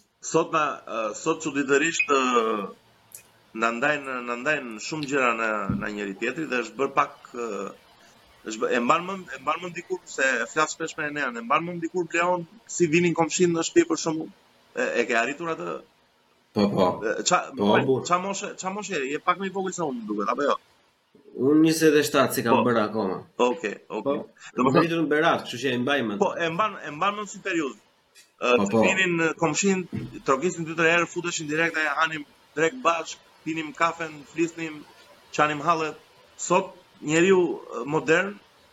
i shqiptari i 2023-shit është bërë pak më i izoluar, jo pak është bërë pak më, është bërë shumë i izoluar sepse jetën e ka shumë të programuar nga puna e parë e punës dhe e dyta dhe nga gjithë impakti social që ka se pak a shumë gjithë robt e kanë një prezencë sociale, e kanë një rrjet social ku shprehen, e kanë e kanë dhe mjet pune shumë herë, ka dhe rob që merren vetëm me atë punë me prezencë sociale. Dhe këto gjitha këto gjërat të ndajnë pak nga nga madhështia e të qenët me një qenie tjetër njerëzore, me një rob tjetër, të bësh të ndash eksperienca, të flas, të flas unë me ty për shembull, një të shtunë, një mbasdite, të ulemi të pimë një birrë ose të pimë një kafe dhe të flasim siç po flasim tani, se edhe tani shumë mirë po, po thjesht e kemi kaluar në po, një një debat që mund ta bëjmë nga afër. Kjo gjë i mungon i mungon shumë njerëzimit shqiptarëve për mendimin tim që të kenë një rob që të shprehen lirshëm, t'i thonë kur janë të mërzitur, t'i thonë kur janë ku di unë të lumtur, të ndajnë të ndajnë dhe gjërat e mira dhe gjërat e këqija bashkë pa i ndarë në rrjetet sociale. Më kupton? Të ndaj unë tani gjithë gjërat e këqija në rrjetet sociale nuk ka kuptim. Unë i ndaj, mund t'i ndaj me Enean, mund t'i ndaj me Besin dhe Ajo, këto gjëra pastaj sjellin sjellin edhe edhe marrëdhënie më të ngushta akoma dhe pastaj sjellin edhe krijimin e gjërave të tjera më të mira, nuk e di. Art është një vetmi e vetimplikuar që le të themi. Unë e shikoj problematikën te Shqipëria dhe e paske kapur shumë bukur këtë këtë krahasimin me se si ka qenë përpara. Tani që po mendoj, më mendoj se problemi më i madh është sepse ne këtë per, periudhën e, e, e tranzicionit e kemi kaluar shumë shpejt, domethënë, nga nga komshiu që të vinte pa trokitur deri këtu ku jemi sot që duhet ta marrësh robin në telefon 3 ditë përpara domethënë ka ndodhur në një periudhë shumë të vogël tek ne. Po, duhet të çosh mesazh se sot nuk para flasin në telefon robt. E, s'ta hapin as telefonin tash, po, po. po. Ka kalu dhe më e, po, të është bërë akoma më e ftohtë. Nuk do as është bërë mekanike komplet, domethënë. E, e di, e di, e shikoj, e shikoj te partnerja ime, domethënë po. në një herë kur e, e merr dikush në telefon, pa ajo është dhe një dy tri vite më më më e re për shembull më thotë që who calls these days i them what the fuck mo ça është kjo mo who calls who calls hape mo telefonin aty jo dhe dhe dhe unë ngatërrohem prej mesazheve dhe nëse për shembull kam një mikun tim të gjithë mo të gjithë e domethënë është rreth vicioz që të gjithë bien brenda po miku im beni për shembull merr vetëm në telefon dhe është shumë gjë e mirë se se harro është më kollaj dhe është më njerëzore të dëgjosh zërin e tjetrit Po gjithsesi është, siç e the, është një vetmi vetmi e madhe që mua më shqetëson pak të them të drejtën. Nuk më pëlqen që që të rinjtë kryesisht e kanë këtë, që të jenë kaq vetëm dhe të ndihen kaq vetëm. Duhet njerëzit duhet të kenë se s'bën ndjesinë se përkasin një grupi. Shiko, është edhe kjo një pjesë, andi, po është dhe një, një pjesë tjetër për shembull që për mendimin tim luan rolin më madhor që është jeta e shpejtë. Edhe unë mendoj se kam fatin apo mallkimin, nuk e di se ça është që ngaqë jetoj dhe jashtë, që është di, jam i sigurt që është disa herë më galopante, domethënë për mënyrë thjesht mënyrën se si funksionon sistemi, është që ndonjëherë plako thjesht përditshmëria që ti krijon nuk të përshtatet gjithmonë me këtë komunikimin që isha mësuar unë në Shqipëri kur isha i vogël. Po. Vitet e para unë e kam pasur shumë të vështirë kur kam ardhur këtu, e kupton? Edhe me shoqërinë që kam krijuar jo ku di unë venezuelane, gjermane, angleze etj etj. Nga shtetet tjera. Ajo ka qenë gjëja më e keqe në fillim, domethënë është pjesa e komunikimit, sepse çështje ti unë isha me e marrë telefonin në dorë, ku kisha parë unë në Shqipëri, mos kisha ofertë, e këto nuk është, këtu e kisha ofertë në bëjë, po. kisha kontratë një muaj, e fole, s'fole, aty e kishe, edhe në zërë telefonin gjithë kohës, edhe nuk bën, vlla, e ke parasysh ça të bëj, kur kam, kur më ka thënë mua individi i parë, domethënë që më ka marrë në telefon të, të hënën, kemi folur për të takuar të shtunën, unë kam menduar në atë kohë, po ky ça është budalla, o vlla, e ke parasysh, Qysh më merr ti mua të hënën do dalim të shtunën apo jo? Po dëgjo edhe a jemi gjallë deri të shtunën, e kupton? Kurse tashi, tashi ngaqë jam futur dhe unë n'atë përditshmërinë time, e ke parasysh se çohem, vlla, çohem, iki në 6, 6 e ca, dal nga shpia, unë, në 6 vij pra, pastaj, kur vij, ça do bëj, do gatuaj, do ha, do pi, do uh, fle, E tash i kam kuptuar dhe unë të gjithë shokët e mi që e kanë të planifikuar me ditë përpara edhe në qoftë se do dërgojmë mesazh te një nga grupet që bëjmë për bira pas pune, probabiliteti është shumë i vogël edhe kur bëhet, domethënë, është kështu si bekim nga lart. Po. Kjo është, shiko, jeta është shpejtuar shumë, se dhe prindërit tanë që i vinin komshitë, dije se e kanë pasur deri në një farë pike, kanë pasur vuajtje të tjera ato, ëh? Ja, jo, po nuk, po nuk po ja hedhim poshtë. Nuk po ja hedhim poshtë, kanë pasur vuajtje të tjera, vuajtje ekonomike, vuajtje fizike, shumë herë më shumë. Si si çfarë? Ama nuk e kanë provuar atë lloj presioni domethënë që që kalojmë ne sot. Po siç e the, siç e the dhe më parë që tranzicioni ishte shumë shumë i shpejtë dhe unë mendoj se prindërit tanë edhe brezi i prindërve tanë domethënë gjëja më më e fuqishme që kanë ngrënë mbi kuriz ka qenë ky tranzicioni i shpejtë dhe gjithë ë uh, psikopatia nga një sistem Socialist, psikopatia. I çmendur monopartiak në një sistem të ri modern me me mundësi për të bërë biznes, me rrjete sociale, imagjino sa psikopate është për për një një 50 vjeçar ta jetojë këtë tranzicion kaq të shpejtë dhe kaq të dhunshëm se ka qenë shumë shpejt, më kupton? Është i dhunshëm. E kemi bërë muhabet, më ka dalë fiks, e kemi bërë muhabet me në bira e kemi bërë këtë muhabet. Zemra e përndaj, po imagjino tani babain tim kur ka qenë atje i vogël që nuk e dinte se çfarë ishte telefoni, pastaj i kishte telefona me kabull, pastaj i kishte telefona Nokia. Edhe tani ka një pllakë që do ta shtypë me gisht aty, është mind fuck o plak. Është shumë informacion, imagjino sa sa terabajt informacion të vijnë në tru që ti duhet t'i përpunosh. Është shumë Janë janë është është shok shumë i madh psikologjik për për për për një të asaj moshe. Kurse ne ë edhe brezi i ri tashmë ka komplet probleme të tjera që dhe ato kanë vështirësitë e tyre, nuk po i minimizoj.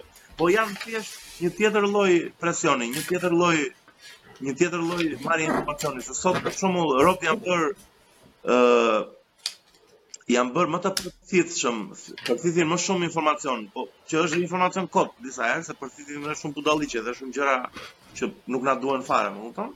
Kurse në kohën atëherë informacioni nuk ishte kaq në shesh sa sot. Po të ndodh një problem me një shtet tjetër ti e merr vesh direkt direkt në Twitter, më kupton? Nuk ka nevojë të vijë posta e të vijë letra, të dalë gazeta. E po, ajo është problemi, është shiko, janë dy anë të medaljes gjithmonë, se ata vërtet ishin të painformuar atëherë për shembull, po kur hanin darkë, shihnin njëri tjetrin në sy edhe po. gëzoheshin me njëri tjetrin.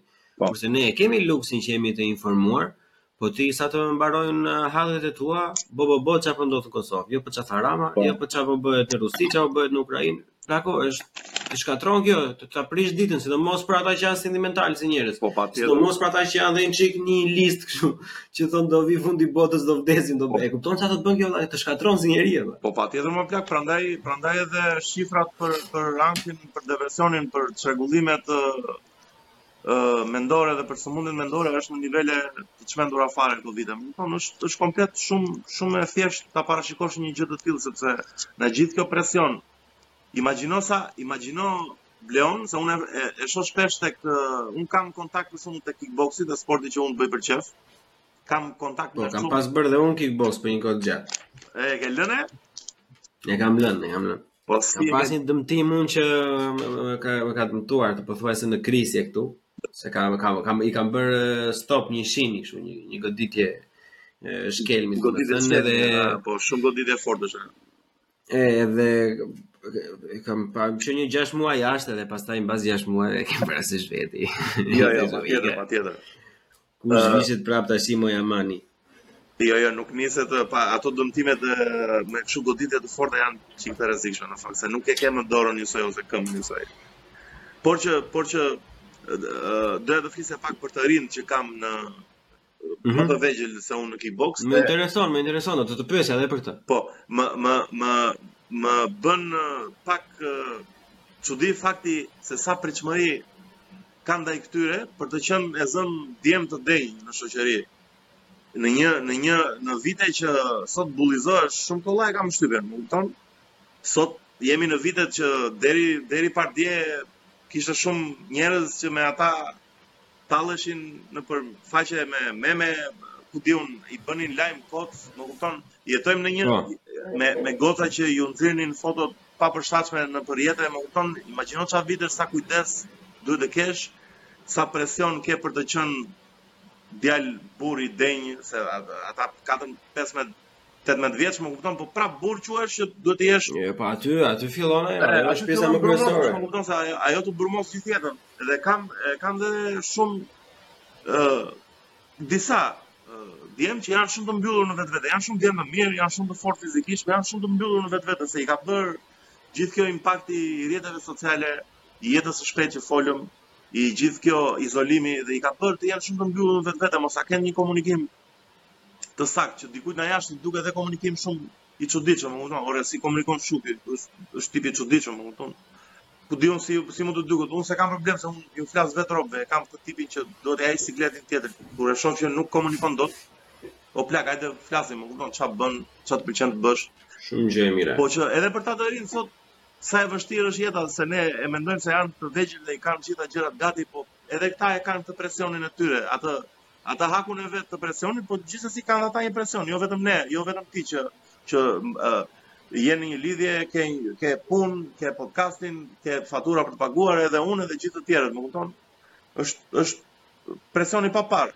Kështu që forca djema duhet duhet ta përballojmë Është e vërtetë ajo, unë besoj domethënë përveç se është e lidhur me ato që cekëm çik përpara, domethënë me gjithë ky ky shëndeti e mirëqenia mendore domethënë e meshur është çuna ajo fillon apo se e vë re un kur në momentin e parë që un filloj të flas për veten njerëzit pyesin pse është okay ti ça është kështu jo un nuk jam nga ai lloj domethënë Problemi është real, po ideja është që kërkon punë, është biblike, më se ajo gjëja që thashë para, është ai mjerimi, e kupton? Po.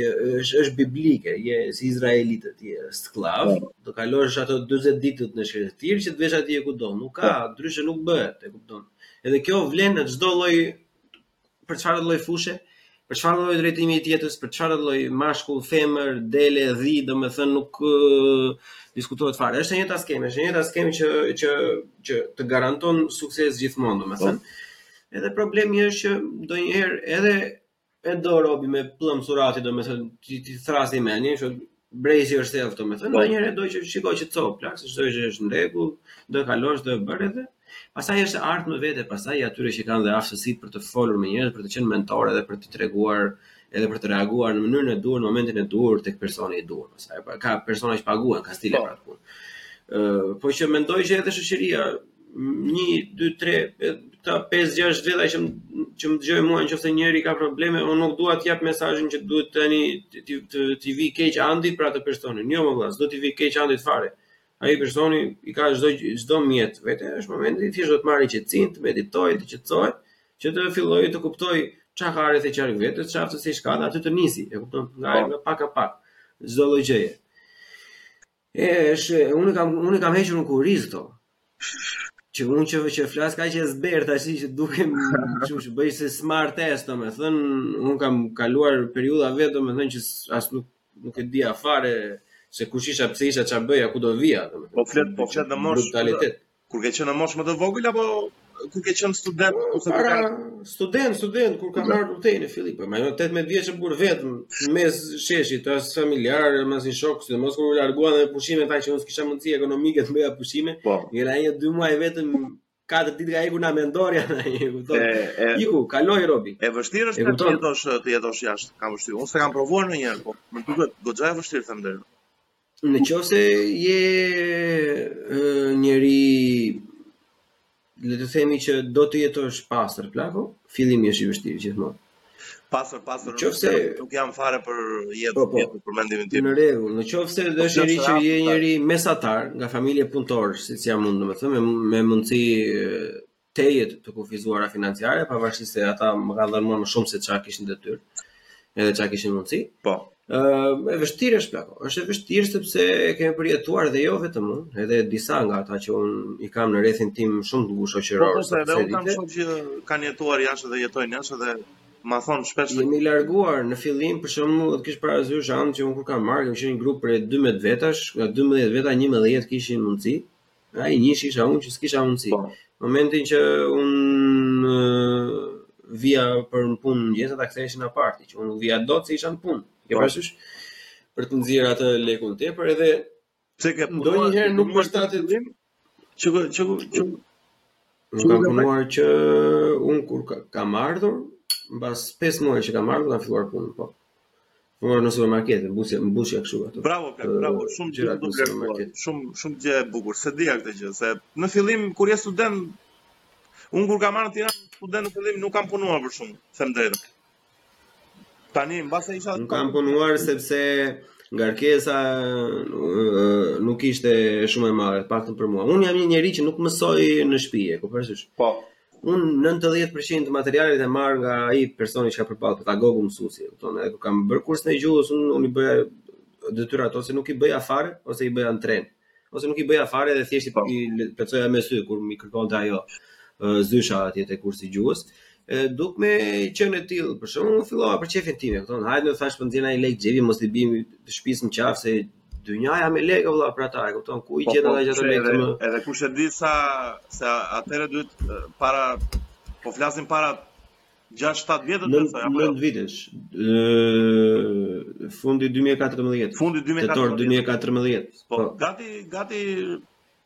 8 9 vite e bën. 7 8 vjet, më kupton, dhe kanë qenë ndryshe gjërat ekonomike, më mbase sot është pak më ku di un, mbase është pak më ë pak më e thjesht për të studiuar jashtë. Është është pa, është është goxha më e thjeshtë tashmë po. sepse edhe shumë nga ato restriction që kanë pas atëherë, domethënë un kam bërë dhe një vit shtesë për të barazuar nivelin gjasme në thonjza me nivelin këtu, domethënë shpenzime kanë qenë ato se po pra, mijëra euro që iknin çdo vit një test. Po si çdo lloj gjëje, domethënë ata që kanë punuar kanë qenë studentë e dinë që kur fillon të pun, punosh, domethënë sado të marrë shkolla më vonë nuk e lë dot se të pëlqen ai leku. Po po. Unë jam njeri që më pëlqen, si më pëlqen kështu, domethënë me këto e kam qejf kur gratifikohem me diçka, domethënë për ato që bëj dhe puna, po, sidomos atë lloj moshe, domethënë është drogë plak. E kupton sepse merr merr lekun në dorë, di që e ke tëndin dhe të jep një satisfaksion, një kënaqësi të paparë, domethënë. kur kur kur punon për lekun tënd. Edhe unë ashtu e vazhdova gjatë gjithë kohës derisa kalova edhe në probleme pastaj me mësimet, ish unë kam qenë në një periudhë që isha shumë keq, domethënë, edhe pastaj ndryshova, pastaj e lashë atë punën që bëja, që punoja në një bar, ë isha shef bari atje, e lashë atë, ndonjë një katër muaj pa punë, e pastaj fillova punë në industrinë time. Po. E kupton si inxhinier i ndërtimi po, dhe prej aty mori përsipër prapë.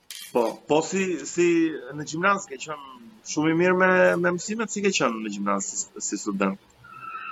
E mirë, më kanë qenë unë kam pasur mesatare 9.2. O, paska qenë goxha mirë o plak. Mirë, se kemi ne kemi pasur gjithmonë ato goca që ishin kështu 10.0. Po, po. Ne kemi pasur 10.3 e ka pasur një e përshëndesim e di ajo se e di që është shef, po s'do ta përmend emrin. Mirë, mirë, shumë shumë shumë arritë mirë. Goxha, goxha, mua më ka thënë një miku im që ka vajtë të provojë një herë të jetojë në Gjermani dhe më tha u kthye. Kishte punë shumë të mirë në fakt, edhe Më më tha që ishte shumë shumë e vështirë, plak. Un un s'e kam pas asnjëherë qëllim të drejtën. Jo se jo se kam ndonjë gjë me të punuarit jashtë ose me të thjesht më duket mbase jam pak frikacak që më duket ca më e vështirë të jem pa pa njerëzit e mi aty, pa shokët e mi, pa ku di unë, t'i kem familjarët larg, më duket pak sa Të di. Ajo është gjëja që ajo është gjëja që të vret më shumë nga të gjitha. Po pra, domethënë nëse ato për ajo është për ty e vështirë, unë ta them dorën me një që as mos mos e shko në mendje nëse ajo është shumë e rëndësishme. Jo se për mua është e rëndësishme. Po. Është e rëndësishme, po ty tani në këtë moshë të të është konsoliduar ky si mendim. Unë atëherë nuk e dija po, po, çfarë do të thoshte. Kupton, isha më shumë për për atë aventurën e tjera e tjera. Edhe sot edhe bile edhe kur isha i takova çunat që që më morën në mes natës atë ditë që sa zbrita domethënë, thashë mund të keni, domethënë unë i kuptoj shumë mirë problemet që keni këtu që është e vështirë ekonomike, po dije i thashë që çfarë lloj gjëje të ndodhë, ti e merr mamin telefon edhe e ke për 10 minuta aty. Po. Kaq. Nuk do më shumë. Nuk ka si ndjesia e e të pasurit krahët e dikujt. Më kupton? Të kesh një problem dhe të marrësh një dhe ta kesh shumë afër. Më kupton? Unë Enean për shembull e zëmë, se po më përmende Enean, po meqë e njofi dhe publiku një pak po, po. kemi. Unë Enean e kam shumë afër.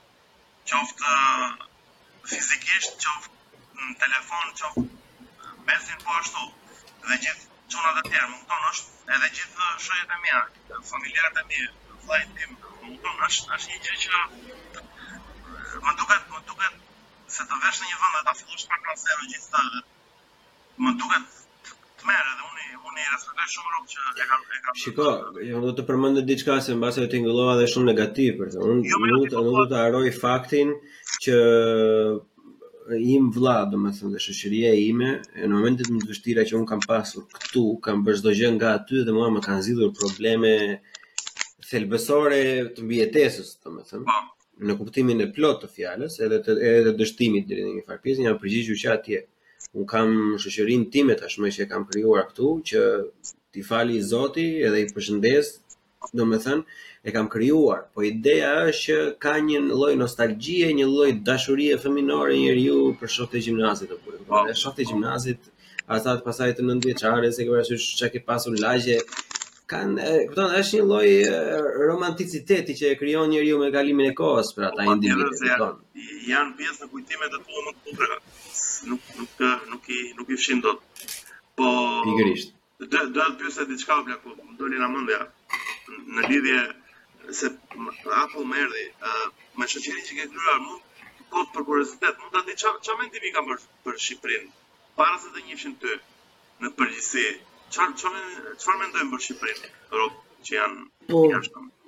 Përgjithësisht, domethënë, shoqëria ime po po, është shoqëria ime në në në pjesë janë të ndarë gjys për gjys, domethënë. Edhe është është tamam si ai algoritmi normal, domethënë i shpërndarjes normale që shumica afrohen drejt mesit, po kam dhe skajet. Skajet për shembull është njëri skaj që është që E shikon vetëm negativen të Shqipërisë, domethënë, ka persona që thonë që mua 3 ditë më rrihet në Shqipëri, pastaj dua të iki.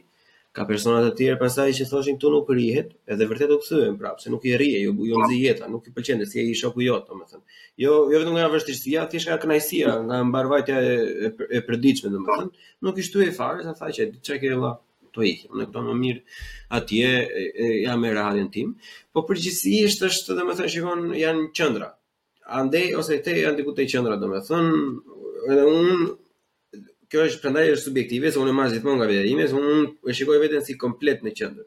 Sepse unë e vetmja gjë që mua më ndalon për shembull për t'u kthyer në Shqipëri është e njëjta ofertë që që, që mungon e njëjta ofertë në për konkurrim në tregun e punës ose të biznesit.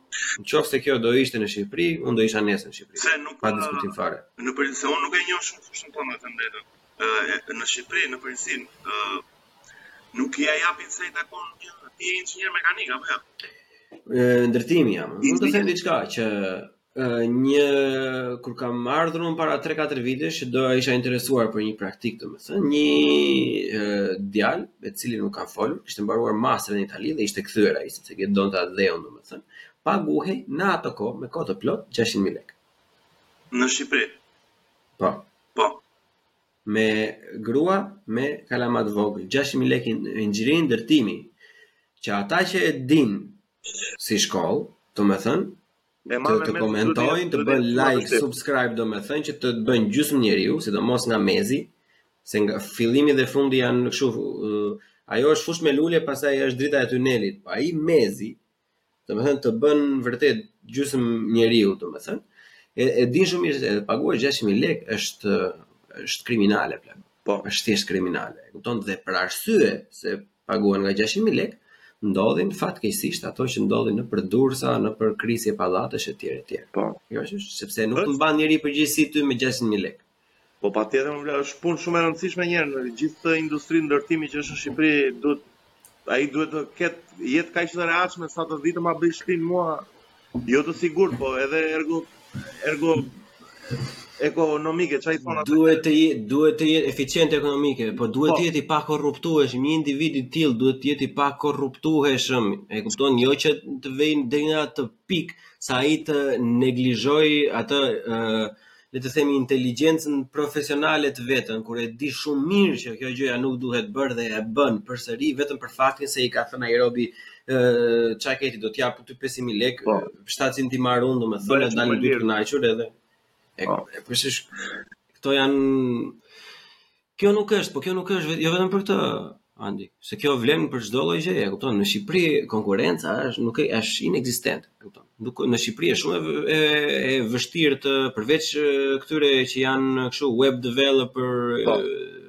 ça janë këto software engineer, domethënë që janë tech që s'ke ça i bën atyre, se ata janë vetë zot vetë shkop, domethënë.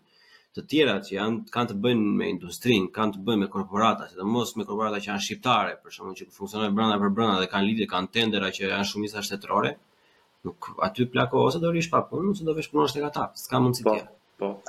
Po, po, po në Gjermani si shihet si profesion është? Besoj është ku e ku me Realitet... Shumë, shumë i lartë, shumë jam, jam habitur, shiko, kur vinim në klabe ne kur ishim studenta, plako, kishe, kur i thoshe student inxhi ndërtimi, të kishin gosat, oh, është e vështirë, është e vështirë.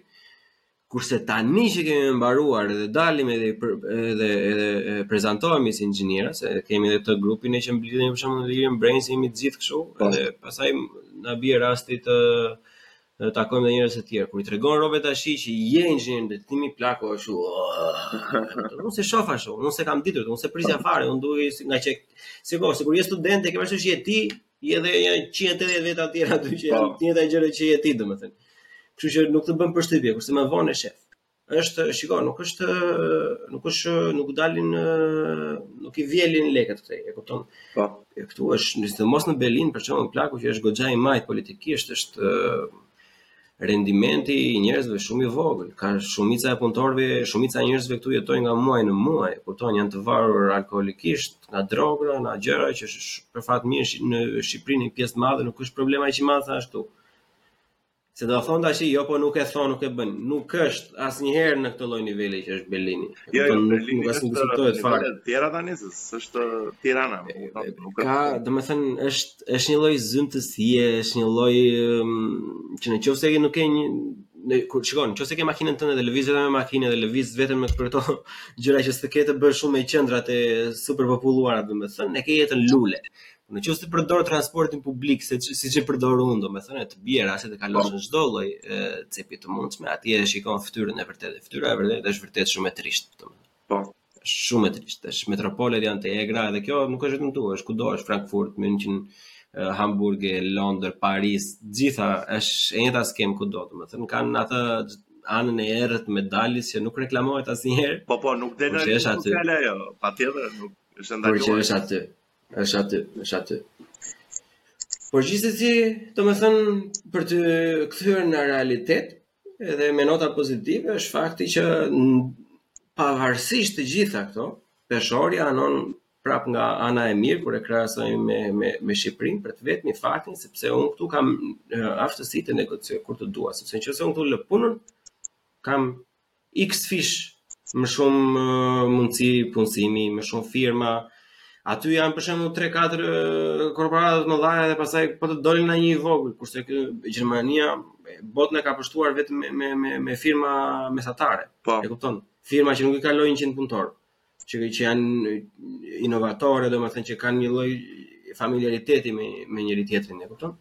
Kështu që kjo është gjë që nuk nuk ka të paguar, domethënë edhe deri në një moment që kjo do jetë realitet në Shqipëri për shembull ose në qoftë se bën një lek të çmendur, ku di gjë unë do të na bën një projekt i mirë dhe bëjmë një dorë të mirë, po ashtu s'e di, mund të kthehemi për realizimin e ndonjë ëndrre biznesi, po Në të ardhmen e afërt nuk e shikoj, nuk e shikoj si po. si reale. Në të ardhmen të largët mbase. Them që kur të dalin fëmijët nga gjimnazi, unë do kthehem gjithsesi. Po, po të të bëj një pyetje tani, e zëmë, se më lindi thjesht nga nga që po flisje. Ë, uh, nëse nëse ecën shumë podcasti një moment, Ecën jashtëzakonisht shumë edhe ti mund mund të kesh të ardhura të mjaftueshme të jetosh vetëm nga podcasti. Çfarë do bësh? Do do do e lije këtë punë që ke apo do i bësh të dyja çdo moment? Si e ke menduar? Jo, jo, jo.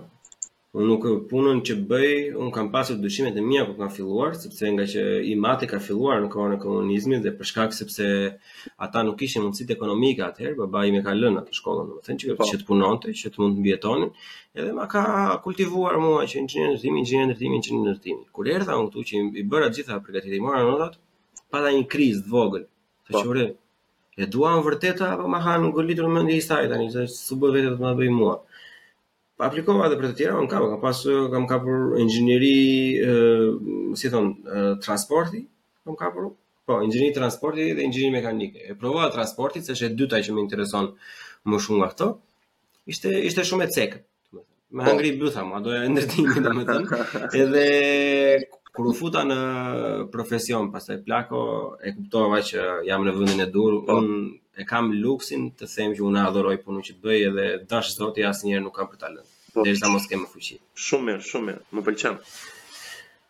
Mbase në në një lloj formati tjetër, mbase nuk nuk do jem inxhinier në zyrë inxhinierike, por mund të jesh inxhinier në një zyrë imobiliare, ke parasysh bëhesh një lloj këshilltari apo tjetër tjetër, po prapë i njëjti profil sepse për mua është një gjë shumë e bukur dhe vërtet unë kur çohem në mëngjes nuk çohem asnjëherë që obobo, ku shkoj në punë. Jam jam i kënaqur, domethënë, shyqyr zotit që kam këtë lloj mendjeje se fat është, kjo është fat, nuk jo, jo, nuk s'ka aftësitë e mia. Fat patjetër po se edhe edhe ke punuar për atë dhe të pëlqen dhe siç e the e ke ëndërr, kështu që gjë shumë plus ta shikosh ashtu. Shumë shumë gjë e bukur. Bravo. Shiko, për njerëzit që janë të, të interesuar ndaj sendeve, domethënë nga ndaj nga gjërave konkrete, domethënë ajo ndjesia fëmijënore të lozurit me makina me rërë, kështu domethënë, në qoftë se ato vërtet e ka pasur një pjesë të fortë, unë e kam pasur vërtet shumë të fortë ato. E kupton? Ne kemi qenë një grup që vinim nga kodrat andej në Berat dhe bënim shtëpia pe druri, kështu. Kupton në mes të pyllit. Po. Edhe un e kam pasur gjithë kohës këtë pjesën e kultivuar dhe vërtet më intereson. Është e para fare është mamaja e gjithë inxhinierive. Nuk diskutohet fare, është e para që ka dalë në treg edhe do do do do vazhdojë për të jetë për një kohë të gjatë dhe ka një kuptueshmëri që s'ka për të ikur asnjëherë, e kupton? Është po, sa të ketë njerëzim do ketë edhe këtë, e kupton? Kështu që un un jam ignorant fare në fushën atë, kaq nuk nuk nuk marr vesh fare po nuk ka shiko detajet detajet nuk janë shumë të rëndësishme kupton ideja po. është që ti të arrish të dallosh të dallosh produktin final atë të keqin nga i miri është është më se e thjeshtë po, po. si mund të dallosh një pallat që kriset një pallat që i ka hyrjet e ngushta që i ka shkallët e këqija që është i paizoluar mirë apo tjetër tjetër domethënë aty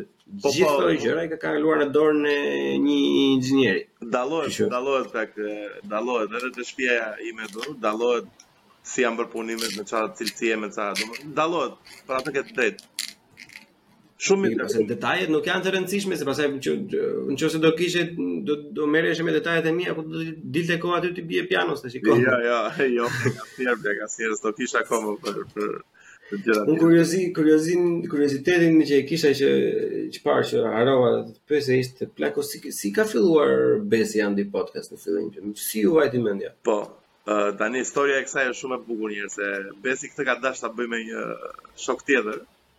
Me, mm -hmm. me një djalë tjetër, me një shokun tonë me, me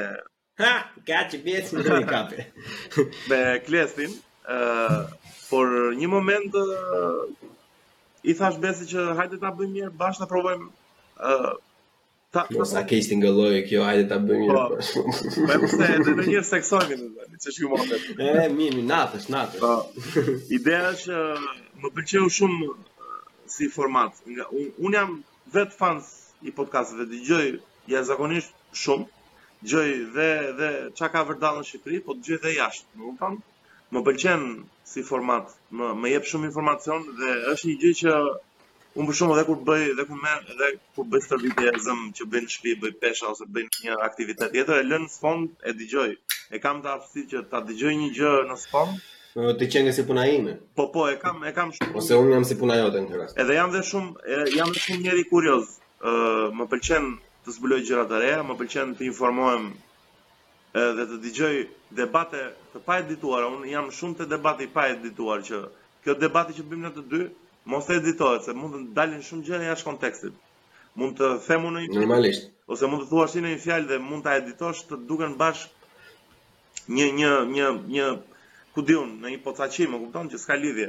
Prandaj është shumë e rëndësishme podcasti. Dhe ne me Besin ë se shumë njerëz edhe në fillim më pyesin shumë rob dhe më më më më shkruajnë në Instagram që o plako kur do vish ndonjë ditë të bësh ndonjë stand up o plako s'jam komedian më kupton nuk nuk e kam bërë asnjëherë në jetë Besi është komedian i mirëfilltë dhe është nga komedianët e parë në Shqipëri që ka dal me me atë lloj komedie, se ka dhe ka dhe të tjerë, po Besi ka dal ka një lloj komedie unike, nuk është se ka pas shumë si Besi vërdall. Se më ka E ka, e ka goxha të hollë, më pëlqen. Është ka një ka një komedi. Jo, mua thjesht më vjen inat që ai nuk është aktiv për momentin, e kupton. Këtë e kam brengë, edhe jo vetëm unë, shumë. Thjesht, thjesht ideja është që unë jam i sigurt që Besi do bëjë do bëjë një moment edhe më aktive pjesën e komedisë e nuk e lë, se është vërtet shumë unike, jo se unë e kam shok dhe ma ka qejfi, po unë, unë vërtet shumë herë për shembull dhe podcastin që ne bëjmë, ne realizojmë, dhe ato që bëjmë bashkë me Besin, unë qesh vërtet dhe shkrihem keq, nuk është se qesh që të shikojnë robt që unë qesh. Unë qesh vërtet ore, unë vdes së qeshuri më kupton. Sepse nuk sepse ne kemi një format që unë me Besin për gjërat që do i flasim në podcast, nuk i flasim para se do futemi. Nuk është se lëmë, nuk është se lajmërojmë njëri-tjetrin çfarë do them unë, çfarë do thuash ti. Ne çojmë ca pika, vendosim për shembull nëse do jetë vetëm një temë, do flasim vetëm për atë temë. Normalisht lexojmë disa gjëra, informohemi pak për atë temën, Ose nëse do jenë shumë tema, do jenë shumë tema bashkë dhe do flasim për të, por nuk është se shpërndajmë para praktikisht opinionet që kemi, sepse i lëmë që... Po i ikën, i ikën sensi, i ikën, i ikën shija pastaj, sepse nëse... ti nuk e përcjell emocionin njësoj. Po pra, se nëse ne të dy do bënim një podcast dhe vendosim se çfarë do themi, nuk ka njeri interes ta dëgjojë. Më kupton? Nuk nuk do ketë zero interes për t'i dhënë like dhe për t'i bërë subscribe. Është një gjë shumë normale. Kështu që ne nisëm ne nisëm në kohën e pandemisë, 2000 Ka qenë mars 2020, i kemi bërë në Instagram në fillim. Edhe mbaj mend te podcasti i parë fare, kemi pas dhe një të ftuar që ne ishim kaq injorantë në Instagram, sa nuk e, ne kujtonim se Instagrami mund të bëjë grup chat që të flisnin tre veta njëkohësisht në video. Kjo gjë ishte e pamundur, më kupton, edhe nuk e bërëm dot dhe që atëherë pastaj evoluam në këtë që jemi sot, u përmirësuam në këtë që bëjmë, e kemi shtyrë dhe shumë njëri-tjetrin të them të drejtën, ka qenë dhe futja e Neas më vonë si uh, aktiv në në në të folur përveç produksionit dhe që nga ai moment e tutje vendosëm që ta quajmë hajde djema të të mblidhemi uh, kur të kemi mundësi dhe të flasim për opinionet tona që kemi mbi jetën, mbi ngjarjet që ndodhin, çështje politike, filozofi, art, humor, argëtim, të gjitha, të gjitha. Thjesht të mblidhemi dhe t'ua servirim njerëzve që duan ta dëgjojnë. Se ka dhe rob që shumë herë ju duket sikur bëjmë si sikur i dimë të gjitha ose japim mend ca rob që s'kan tagrin për ta dhënë, po ne thjesht fund të ditës mendimin tonë themi aty dhe mundohemi të krijojmë një Sens argëtimi, që dikush kur shef... Po këta qenkan, qenkan kudo, këta qenkan kudo, se, se unë e kam vënë, siç e the ti që parë që kanë thënë kur të bësh një stand-up comedy, për shembull, po. mua më ka thënë që ku, ku, ku e ke vlogun, ça gazete shkruan, ose, ose kur më shajnë, një tjetër në Twitter më ka thënë që ti si gazetar nuk duhet të flasësh kështu. Unë nuk kam idenë fare nga i, nga i ka fi fundin edhe fillimin gazetaria domethënë. E ke parasysh kjo është format i mirë ky që keni ju, edhe deri diku edhe kjo që bëj unë po vetëm edhe kjo është arsyeja pse e bëj sepse të flasësh kur dëgjon për art, për filozofi, domethënë si një njeri që në në anën time për shembull për artin që nuk e kuptoj shumë mirë, po e, e, e di di ta vlerësoj, ia jap peshën e duhur, është e rëndësishme vëlla, sepse është pjesa më e madhe e njerëzve, nuk ka vetëm artista. Po. Kupton shumica e njerëzve e, e unë kisha Enean para dy episodeve. Po. Edhe po thoshte që secili e ka atë e përjeton ndryshe dhe ato fragmente që i shef online, domethënë nuk është e njëjta gjë si live e tjere tjere që edhe ajo më ndryshoi atë perspektivën perspektivën dhe botëkuptimin tim më më ndryshoi goxha, domethënë mbi mbi mbi të gjithë këtë gjë. Edhe edhe mendoj se është jashtëzakonisht është shumë e shëndetshme, vëlla i dashur qoftë një person që është normal, që ka pak as pak ose minimumi disa njohuri rreth një teme ta ta, ta flasë, të shprehë mendimin e tij me dëshirën që të korrigjohet, se unë këtë edhe inkurajoj edhe ja inkurajoj gjithmonë dëgjuesve që në qoftë se unë them diçka gabim, nëse keni një kritikë, nëse shikon diçka ndryshe komentoje, komentoje sepse mund të ose ose ose DM, se mua më bëjnë DM se ata u vjen turp, nuk e di, nuk e di televizor që keni turp. Po e ke parasysh do jetë një njeri tjetër që do ketë një mendim njësoj me ty, dhe në komente mund të krijohet një lloj bashkëbisedimi, shkëmbimi idesh, e ke po, parasysh po, një lloj mini debati. Është shumë e rëndësishme. Shumë e rëndësishme. Shumë e rëndësishme. Te podcastet në përgjithësi, domethënë në këtë format që kemi zgjedhur ne të të të të shprehemi, është e rëndësishme të kesh një feedback nga njerëzit, qoftë edhe kritik, qoftë edhe ku di unë suportues, por në të gjitha llojet. Mua më pëlqen po ndodh zakonisht që mua për shembull kur nxjerr një episod, ka zakonisht ndodh që më shkruan edhe në Instagram personal. O Ando fole për këtë temën këtu, po e ke pas çik gabim o vëlla, po pse nuk e bën te komenti te vëlla, bëje aty. E njëjta gjë, e njëjta gjë. Të ta kenë për të gjithë ato sepse me këtë informacion që jep ti ndihmon edhe të tjerët, se ti për shembull je i fushës, je arkitekt zëmë. Ose je, kemi bërë një një episod që kemi përmend fizioterapistët edhe kiropraktikët, edhe më shkrujti një mikesha ime fizioterapiste, po shkruaje aty te komente se ti je e fushës, ti e di më mirë, më kupton çfarë është gjithë kjo tema. Mund të mund të sqarosh edhe robt e tjerë, se kështu krijohet komuniteti. Kur ka dhe njerëz japin mendimin e tyre se fundja ne nga njerëzit uh, ushqehemi që themi ato që themi dhe bëjmë Këto që bëjmë, që bëjmë episode, i xhirojmë, flasim, ti që merr njerëz të ftuar nga më të ndryshmit nga çdo fushë e mundshme, më kupton, kjo është e bukur e kësaj që ti ushqehesh nga njerëzit që e ndjekin. Pikërisht, pikërisht edhe unë, shiko, unë i inkurajoj gjithmonë ata dhe deri tani në këto dhjetra, nuk e di, mbase kanë arritur edhe në qindra mesazhe tani në Instagram, Mua një herë më ka ndodhur që i kam thënë ma shkruaj këtë të njëjtën gjë, ma shkruaj në komente dhe e ka bërë, ka vajtur dhe e ka, po, shkruar në komente. Shumë mirë, bravo. Pra pastaj dhe ka dhe ka marrë feedback, domethënë ka marrë nja ku di gjë 7-8 like-a, domethënë që ishin njerëz që mendonin njësoj këtë po. gjë. Ishte një informacion që unë, jo unë, po i ftuari e kishte thënë gabim, domethënë kishte përmendur diçka në mënyrë të gabuar dhe u korrigjua. Edhe ai që e kishte thënë, u ballafaqua, tha, ok, bën sens, domethënë që po. Edhe është gjë e mirë, domethënë se aty fundja fare shiko, unë s'kam përfitim të drejtpërdrejtë për këtë, e kupton, që janë ato që janë, janë kështu, ku di gjë, për, për të blerë fara, domethënë, po që ideja është përfitimi im është përfitim emocional, është përfitim dituri, unë mësoj, e kupton, shumë gjëra, për shembull që ti the sot, unë s'i dija, s'e kisha idenë, shumë gjëra që tha Enea para dy herësh, për po. shembull, as, as nuk është, nuk më kishte vajtur mendja ndonjëherë në atë lloj prizmi, domethënë. Unë për vete, si Bleon, unë jam unë dal shumë i kënaqur, unë e kam përmbushur misionin tim, po.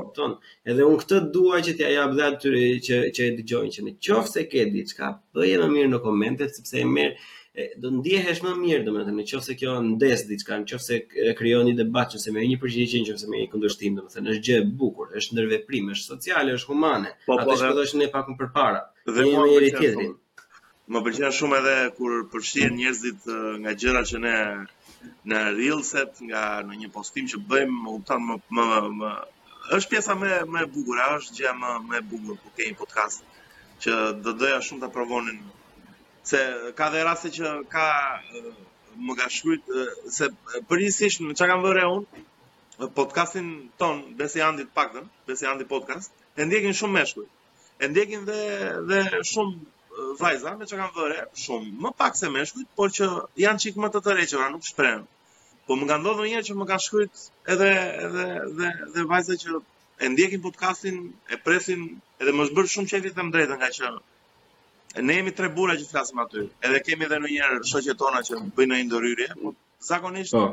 Nuk e di pse është krijuar një ide që është shumë toksike të dëgjosh tre burra të flasin për ku di un për jetën e ku di un e nga këto gjërat, edhe më pëlqen shumë kur që kemi dhe jam i sigurt që edhe Buçi podcast e ka siç ka dhe Alo kam një pyetje që kanë dhe shumë po. publik femëror. Dhe është shumë gjë e bukur për mendimin tim. Un kam goxha femra domethënë. Un un jam un jam habitur, po un kam diku te 30 30 37% duket i kam femra. Un e di çka kam, un kam un kam edhe 3% kështu non binary. Ke ti? Nuk i mbaj mend. Ke ti, s'ke, nuk i kam parë ato statistikat, po po që më shumë janë meshkujt ata që ata që ndjekin podcaste. Dhe shumë mirë, shumë mirë, nuk ka ndonjë gjë të keqe, po Është gjë e mirë edhe kur shkruan ndonjë gocë thotë ju kam dëgjuar në një periudhë shumë të keqe të jetës time dhe më keni rregulluar ditën se po të kujtohet ne kemi nis në pandemi ë podcastet edhe po, pandemia po. ka qenë çik nuk ka qenë okay për gjithë. Unë ia kam kaluar shumë mirë pandeminë të them të drejtën. Nuk e di, nuk e di pse kam kujtime shumë të bukura nga pandemia, filluam dhe podcastin dhe nuk qahem, po ka dhe njerëz të tjerë që s'e kanë përjetuar dhe aq mirë, ç'është e vërteta. Se normalisht ishte shok shumë i madh. Kështu që unë s'e kam përjetuar hiç se ndryshe nga këto gjërat e tjera nga lokalet e restorantet, ndërtimi nuk ndalon asnjëherë, kështu që ne ishim sikur s'kishte ndodhur asnjë gjë valla. Ashtu po, vazhdonte jeta normale. Ne, jo, ne thjesht na detyruan ose na lejuan, atëherë ishte akoma na bënë nderin që që që të merrnim këto certifikata që thoshin duhet ta bëjnë këta përpara të tjerëve vaksinën, po. se janë punëtorë vitalë, domethënë. Edhe vazhduam punë normalisht, unë kam qenë në punë pa asnjë lloj problemi. I vetmi ndryshim që kam pasur që pse unë ia kam kaluar mirë është se atëherë kaloi uh, universiteti kaloi nga prezent në online. Aty unë kam arritur kulmin e performancës time sepse po e mban mend të thash pak përpara që po. unë jam njeri që mësoj duke dëgjuar, duke parë, jo duke lexuar. Po.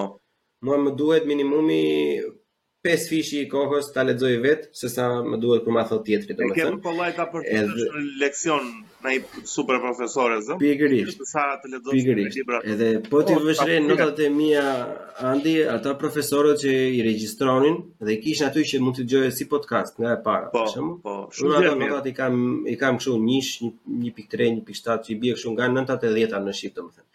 Ata që nuk i regjistronin pastaj, që i bënin një leksion normal, edhe pastaj do të vihet tek ato, aty jam kështu 7, 6, 5 nganjëherë. E kuptoj se me zi kalon. Është një me një tek unë. Unë bile dhe temën e diplomës në në në lidhje me ato e kam shkruar. Kam shkruar për metoda e-learning për konstruksionin e tyre. Shumë shumë interesante. Po, është është aftësi në fakt se nuk e kanë të gjithë.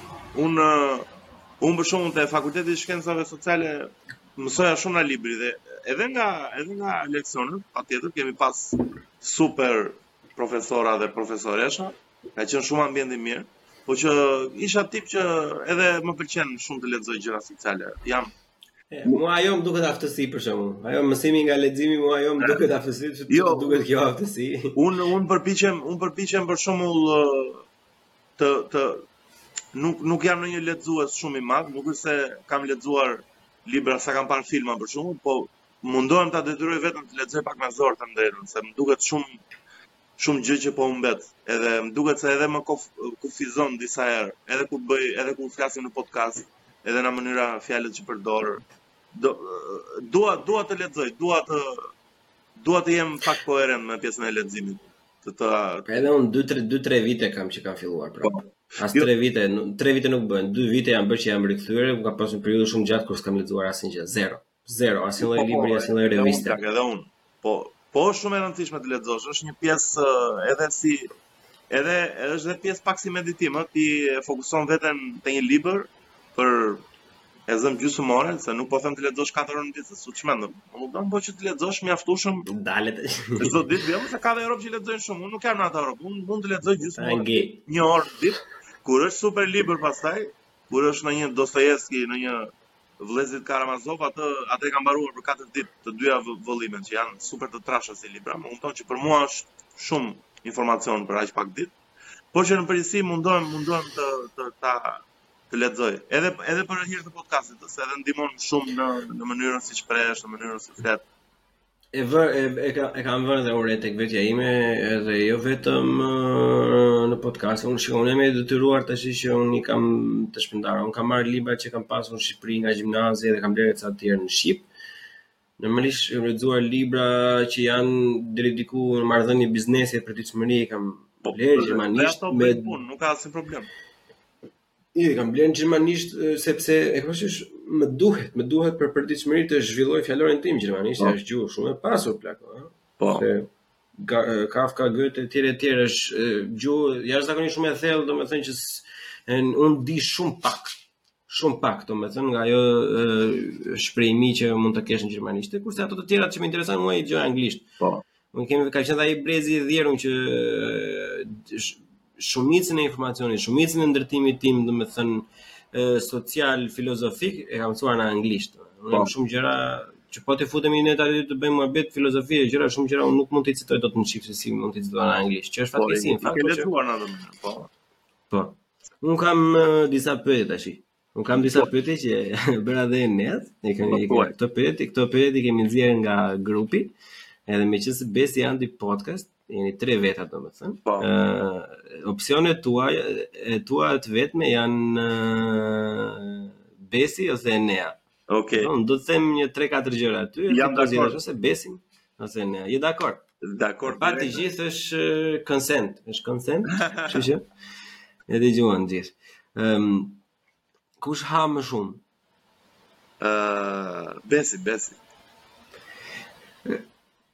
Kush ka më pak durim?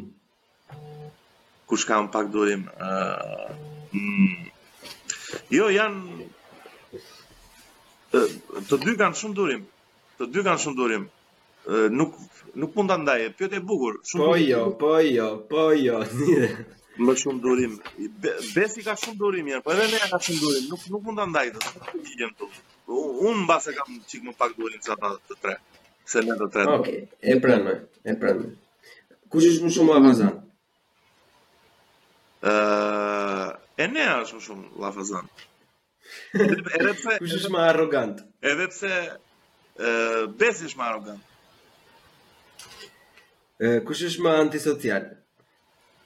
Ëh, antisocial. Ë, janë çik ekstreme se antisocial është shumë kështu, po nëse do do do vendosja dikë që mund të jetë më afër antisocializmit, mund të jetë Besi. Ë, kush do të bënte një kryeministër të mirë? Enea do ishte shumë i mirë në politikë, plak unë kam thënë, edhe ia mundohem ta ta çik e frikshme Enea shikoj Enea është thikë me dy presa si Jul Cezar e ke pasur se si atë ditë në punë pastaj s'di ikën më e ke pasur se Ehm, kush është më i rëndësishëm për podcastin? Kjo është shumë therse. Po, jo, për mendimin tim. Jo, jo, është është Besi për mendimin tim. Besi okay. është Sigurisht fare, opa, tetin e nesë. me, me kë do e kaloje një muaj në një ishull vetëm. Uh, një ishull. Tani, uh, me Besin do e kaloja thjesht të shikoja çfarë mund të nxirrnim në podcastin në një ide të çmendur, domethënë se, do ishte shumë mbijetesë, po të bëjmë një podcast për atë mbijetesën tonë një muaj, do ishte, do thyenim internetin kam përshtypjen. Do do e thyenim. Dhe po. pyetja e fundit që është meqenëse je ambitor, është kush e do më shumë Grida Dumën. Plak, unë e dua më shumë Grida Dumën se më ka dhënë mësim. Po të drejtë. Po, plak. Edhe ka qen super, super zyshe. Super profesor. Zysha që duam pra. Ka qënë plak gjithë leksionet e saja, unë i mbaj mënd me detaje ende dhe sot. Ishte një mënyrë komunikimi shumë të mirë. Tani nuk e di si e perceptojnë të tjerët në nëse i është hedh çik baltë figurës së së Gridës, më kupton? Kush i ka hedh baltë Gridës? Po nuk e di se. Kam par kam par shpesh që që mundohen të tallen me të, po njeriu është shumë lart intelektualisht.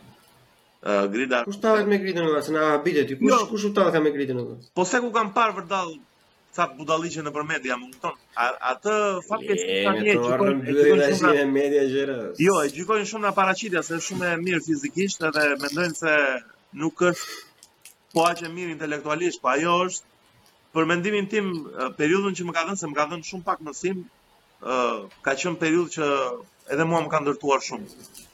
Kështu që e vlerësoj shumë fare.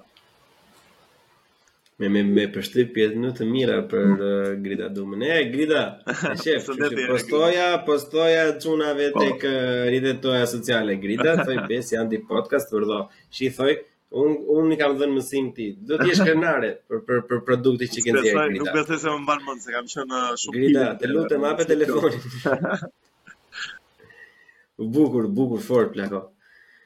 E, u konsumuam një çik, po unë... Uh, uh, dëshira ime në fakt që normalisht nuk mund të bëj me episodin e parë ishte që të më të më shkolloje në një të ardhme të afërt, në një episod tjetër rreth kinematografisë duke duke qenë se ti je goxha entuziast domethënë dhe me këtë thashethemin që ishte i vërtetë që mora vesh po. sot domethënë që je shumë entuziast i ditur i ke parë shumë filma dhe i ndjek po, ke ato opinionet e tua të të formuara, domethënë dhe shpesh herë që është shumë gjë e mirë që shumë më ka rënë, nuk kam rënë kontakt me me të tjerë për shembull që ke, ka dhe një farë lloj analize që është për njerëzit si puna ime që i shikojnë vetëm unë e cilësoj atë filmin vetëm subjektiv si e perceptoj unë. Po. Është është goxha e thjeshtëzuar disa disa analiza që i bën dhe është e mirëkuptueshme për unë ashtu e bëj, puna ime. Ashtu e bëj në përgjithësi, domethënë kam ndjek unë e shoh filmin si fans, nuk e shoh si teknik ose se shumë herë ka ndodhur edhe që kam dalë në në televizor kryesisht për të folur për filmat dhe e kam shprehur që në fillim që nuk jam ekspert, nuk e shoh filmin teknikisht. Unë e shoh si fans. Edhe mundohem që edhe kur e postoj në Instagram-in për shkakun, thjesht ta postoj për një rob që është fans filmi, jo të kapem tani, jo po kamera kështu, jo po kjo regjia, domethënë me detaje teknike që askujtë s'i intereson, ty të intereson në fund nëse filmi të lë impakt, edhe unë këtë, këtë kam advokuar gjithmonë. Po, po, e bëjmë, e bëjmë një podcast të dedikuar për kinemanë. E dëgjuat të gjithë njerëz të dashur, nëse e zgjidhni me vjen mua, do ta bombardojmë. Atëherë na thuaj tre filmat më më të bukur. Për ty. Plak, unë do them të parin, edhe sapo e përmende m'u ngjeth mishi direkte, se para dy ditësh ripashë filmin tim të preferuar, ever, me, me të dashurën time, një të diel të plogësht, dhe një nga filmat që unë nuk më ishte... do të në mendje asnjëherë dhe e pashë për herë të 16 dhe prap e shijova si për herë të parë, është Seven i David Fincher me Brad Pitt dhe Morgan Freeman. Për mendimin tim, për mendimin tim është është një film që unë e kam parë shumë i vogël, në fakt më ka lënë një impakt të të çmendur në jetën time, se isha i prishtë dhe i vogël kur e kam parë. Po që s'e përmende dhe emrin e atij tjetrit të gjortë, si e ka ai? Kevin Spacey, po e pa Kevin Spacey. Spoiler alert e dashura ime s'e kishte parë ndonjëherë dhe nuk e dinte që del Kevin Spacey në fund edhe për një rob që nuk e di është gjetje ah. shumë fare. Se ajo është e bukura e filmit. Kupton? Unë prapë edhe sot nuk mërzitem. Seven për për mua është në shpirtin tim, është filmi im i preferuar ever. Pastaj një tjetër që do përmendja është Një film që është shumë filozofik, është pak i vështirë për të për t'u ndjekur, jo se nuk e kuptojnë robt, se është shumë i thjeshtë për t'u kuptuar, po thjesht është pak më artistik, është 2001 Space Odyssey nga Stanley Kubrick, që është film i 69-ës, më duket, a 60. Si e ka edhe njëherë 2001? 2001 Space Odyssey. Më duket se është o 69 o 67, diçka e tillë, nuk e mbaj mend mirë. Nëse ke kompjuter para, klikoje pak të lutem. E, e klikova, e klikova, është një, në 1970. 70, okay. Plak, ky është një ë uh, çfarë të them unë tani, si ta përshkruaj me një fjali dëftore se e ka thënë Coppola këtë që nëse do të përshkruash një fjalë një film të mirë, përshkruaje me një fjali dëftore dhe e ke arrit qëllimin. Po ky është një tribut mbi gjithë njerëzimin. Nga nisi uh mhm. -huh. dhe si do përfundojë. Është një film fenomenal. Është ka një ë uh, fotografi, ka një ndjesi, nuk e di çfarë të them, është tip kryevepre, është për mendimin. Nuk besoj se e kam parë, por e shënoj për veten time. Duhet ta shikosh, është pak 3 orë, është pak i stërgjatur, po që Nëse e shikon në mudin e duhur dhe të jesh shumë rehat, shikoje një të diel që je shumë rehat, pa punë dhe aty do e kuptosh gjithë gjithë efektin e filmit. Dhe i treti i preferuar është edhe një film që unë e kam tatuazh në trup, ja kam titullin ë e kam më më la kaq impakt sa që doja ta ta kisha atë shprehjen e atë filmit me vete, është No Country for Old Men, që besoj duhet ta kesh parë kam përshtypjen me me po, po. Po. E do ta shoh prapë se se s'e ka parë partnerja ime do t'ia tregoj asaj. Se se s'bën, se s'bën plak, është film që filozofikisht mua më ka lënë shumë shenjë të them të drejtën dhe më pëlqen ë uh, gjith, që nga titulli deri te ekzekutimi i filmit që kjo tashmë nuk është më një botë për për dikë që është me vlerat e vjetra, është një botë uh, komplet e re dhe është një mesazh shumë i bukur, prandaj vendosa ta kisha tatuazh të them të drejtën, se më pëlqen që t'ia rikujtoj vetes që There is no country for old men, më kupton, nuk ka vend për pleq më. Është i bukur, shiko, ai është mendoj që nga njeriu në njeri varion shumë se si interpretohet ai, e kupton se shumë po. shumë varet nga çfarë vlerash ka njeriu, ndonjëherë unë e kam parë mbi 4-5 herë atë film, nuk e mbaj mend, mund ta kem parë edhe 6 herë. Në fillim e kam parë shumë këtë që thua ti që nuk ka vend për pleq. Herën e fundit që e kam parë më ka lënë shijen, më ka lënë pak kështu, më ka lënë pak shije tragjike, domethënë që është janë ca gjëra që po na humbin, domethënë e kam parë në një, nuk e di si do jetë hera që do ta shoh. Po, javën tjetër, javën tjetër do ta shoh prapë, edhe nuk e di se si çfarë eksperiencë do kem aty, pra, po që Më e bukura, më e bukura te ai filmi është normalisht mbahet mend nga i keqi, nga The Bad Guy, se e ka bërë punë të çmendur ai Javier Bardemi aty që ka luajt një psikopat, ai është psikopat në të gjitha format e psikopatisë. Por realisht personazhi kryesor në atë film është sherifi Tommy Lee Jones që që merret me gjithë zbulimin e gjithë asaj që ndodh. Dhe kjo është e bukura se ai filmi është kaq gjenial sa ty të jep Pista qoftë të jesh me këtë që gjen lekët, qoftë të jesh me të keqin, se ka dhe robë që janë me të keqin, më kupton? Le të fitojë ky Chigurhi uh, Javier Bardemi, ose mund të jesh me sherifin që zakonisht e shohin si të plakur dhe dhe nuk nuk ia kuptojnë vlerat, po gjithë vlerat e filmit është ai sherifi. Mënyra si ai uh, impaktohet nga gjithë uh, nga gjithë ajo që po shef, nga ajo vrasjet makabre, nga gjithë nga gjithë ajo vorbulla e atij aksioni që përfshihen të tre personazhet kryesorë, është shumë film i madh për mendimin tim. Unë Coenëve ua kam parë gjitha filmat, janë mega regjisorë, janë regjisorë fenomenalë. Janë regjisorë fantastikë. Të dy bashkë, janë dy vëllezër që punojnë bashkë. Unë do të bëj një pyetje të fundit që që po. edhe mos mos ta zgjasim po, shumë edhe, edhe mua po bie bateria në fakt. Është je Po ne po na bie bat, po. bie bateria edhe edhe unë jam edhe një çik për pesë nesër po. për punë, kështu që ë The Banshees, Banshees of Inisherin. Super film o plak. Më ë uh, nuk e kisha menduar ndonjëherë që dikush mund të bënte një skenar të tillë se mua më më më pëlqen shumë skenari, mënyra si dikush e shkruan një film para se ta xhirojë. Se normalisht filmin unë njëherë e mendoj pastaj ta them ty o Bleon hajde xhiroje ti se unë këtë vizion kam dhe të dy ndajmë të njëjtin vizion. Më ka pëlqyer shumë edhe kryesisht më ka pëlqyer Colin Farrell që ka bërë një punë të çmendur fare aty, domethënë nuk e di, është mbase roli i tij më i mirë, edhe pse ai ka shumë filma të mirë. Dhe ishte një mm. ishte një perspektivë Për shoqërinë e dy meshkujve shumë shumë unike, nuk e kisha nuk e kisha parë ndonjëherë ë që dy rob të kenë atë marrëdhënie që dikush u mërzit tashmë me një shok dhe nuk do më të flasë se do të bëjë gjërat e veta. Shumë e çmendur po ta mendosh, edhe si skenar që ku di unë, nuk më kishte vajtë ndonjëherë në mendje që do të shikoja atë film. Shumë shumë film i bukur plak, shumë film. Mendoj se ai mund të jetë filmi më i bukur sociofilozofik i 10 viteve të fundit. Po po, shumë i mirë është plak. Shumë i mirë është dhe me kalimin e viteve do e marrë atë rëndësinë që do se Me mendoj se tregon shumë për këtë hapësirën mes njerëzve, me tregon për ndërlidhjen mes njerëzve, për respektimin dhe kufijtë e tjetrit, por tregon natyrën humane, dobësinë humane, nevojën që nuk i largohesh. Ai m'u duk kur e kam parë, domethënë nuk e di plak, ka qenë një tornado emocionesh, domethënë një tornado mendimesh dhe gjithë kohës po. që nuk ishte... Shiko, duhet, është film që kërkon pak durim, mendoj se ata që kanë qejf po, vetëm kështu aksion me pistoleta, mos e merr mundimin fare se është ofendim për filmin. Po që filmi është. Shiko John Wick-un për atë punë, ke filma plot, ke shiko.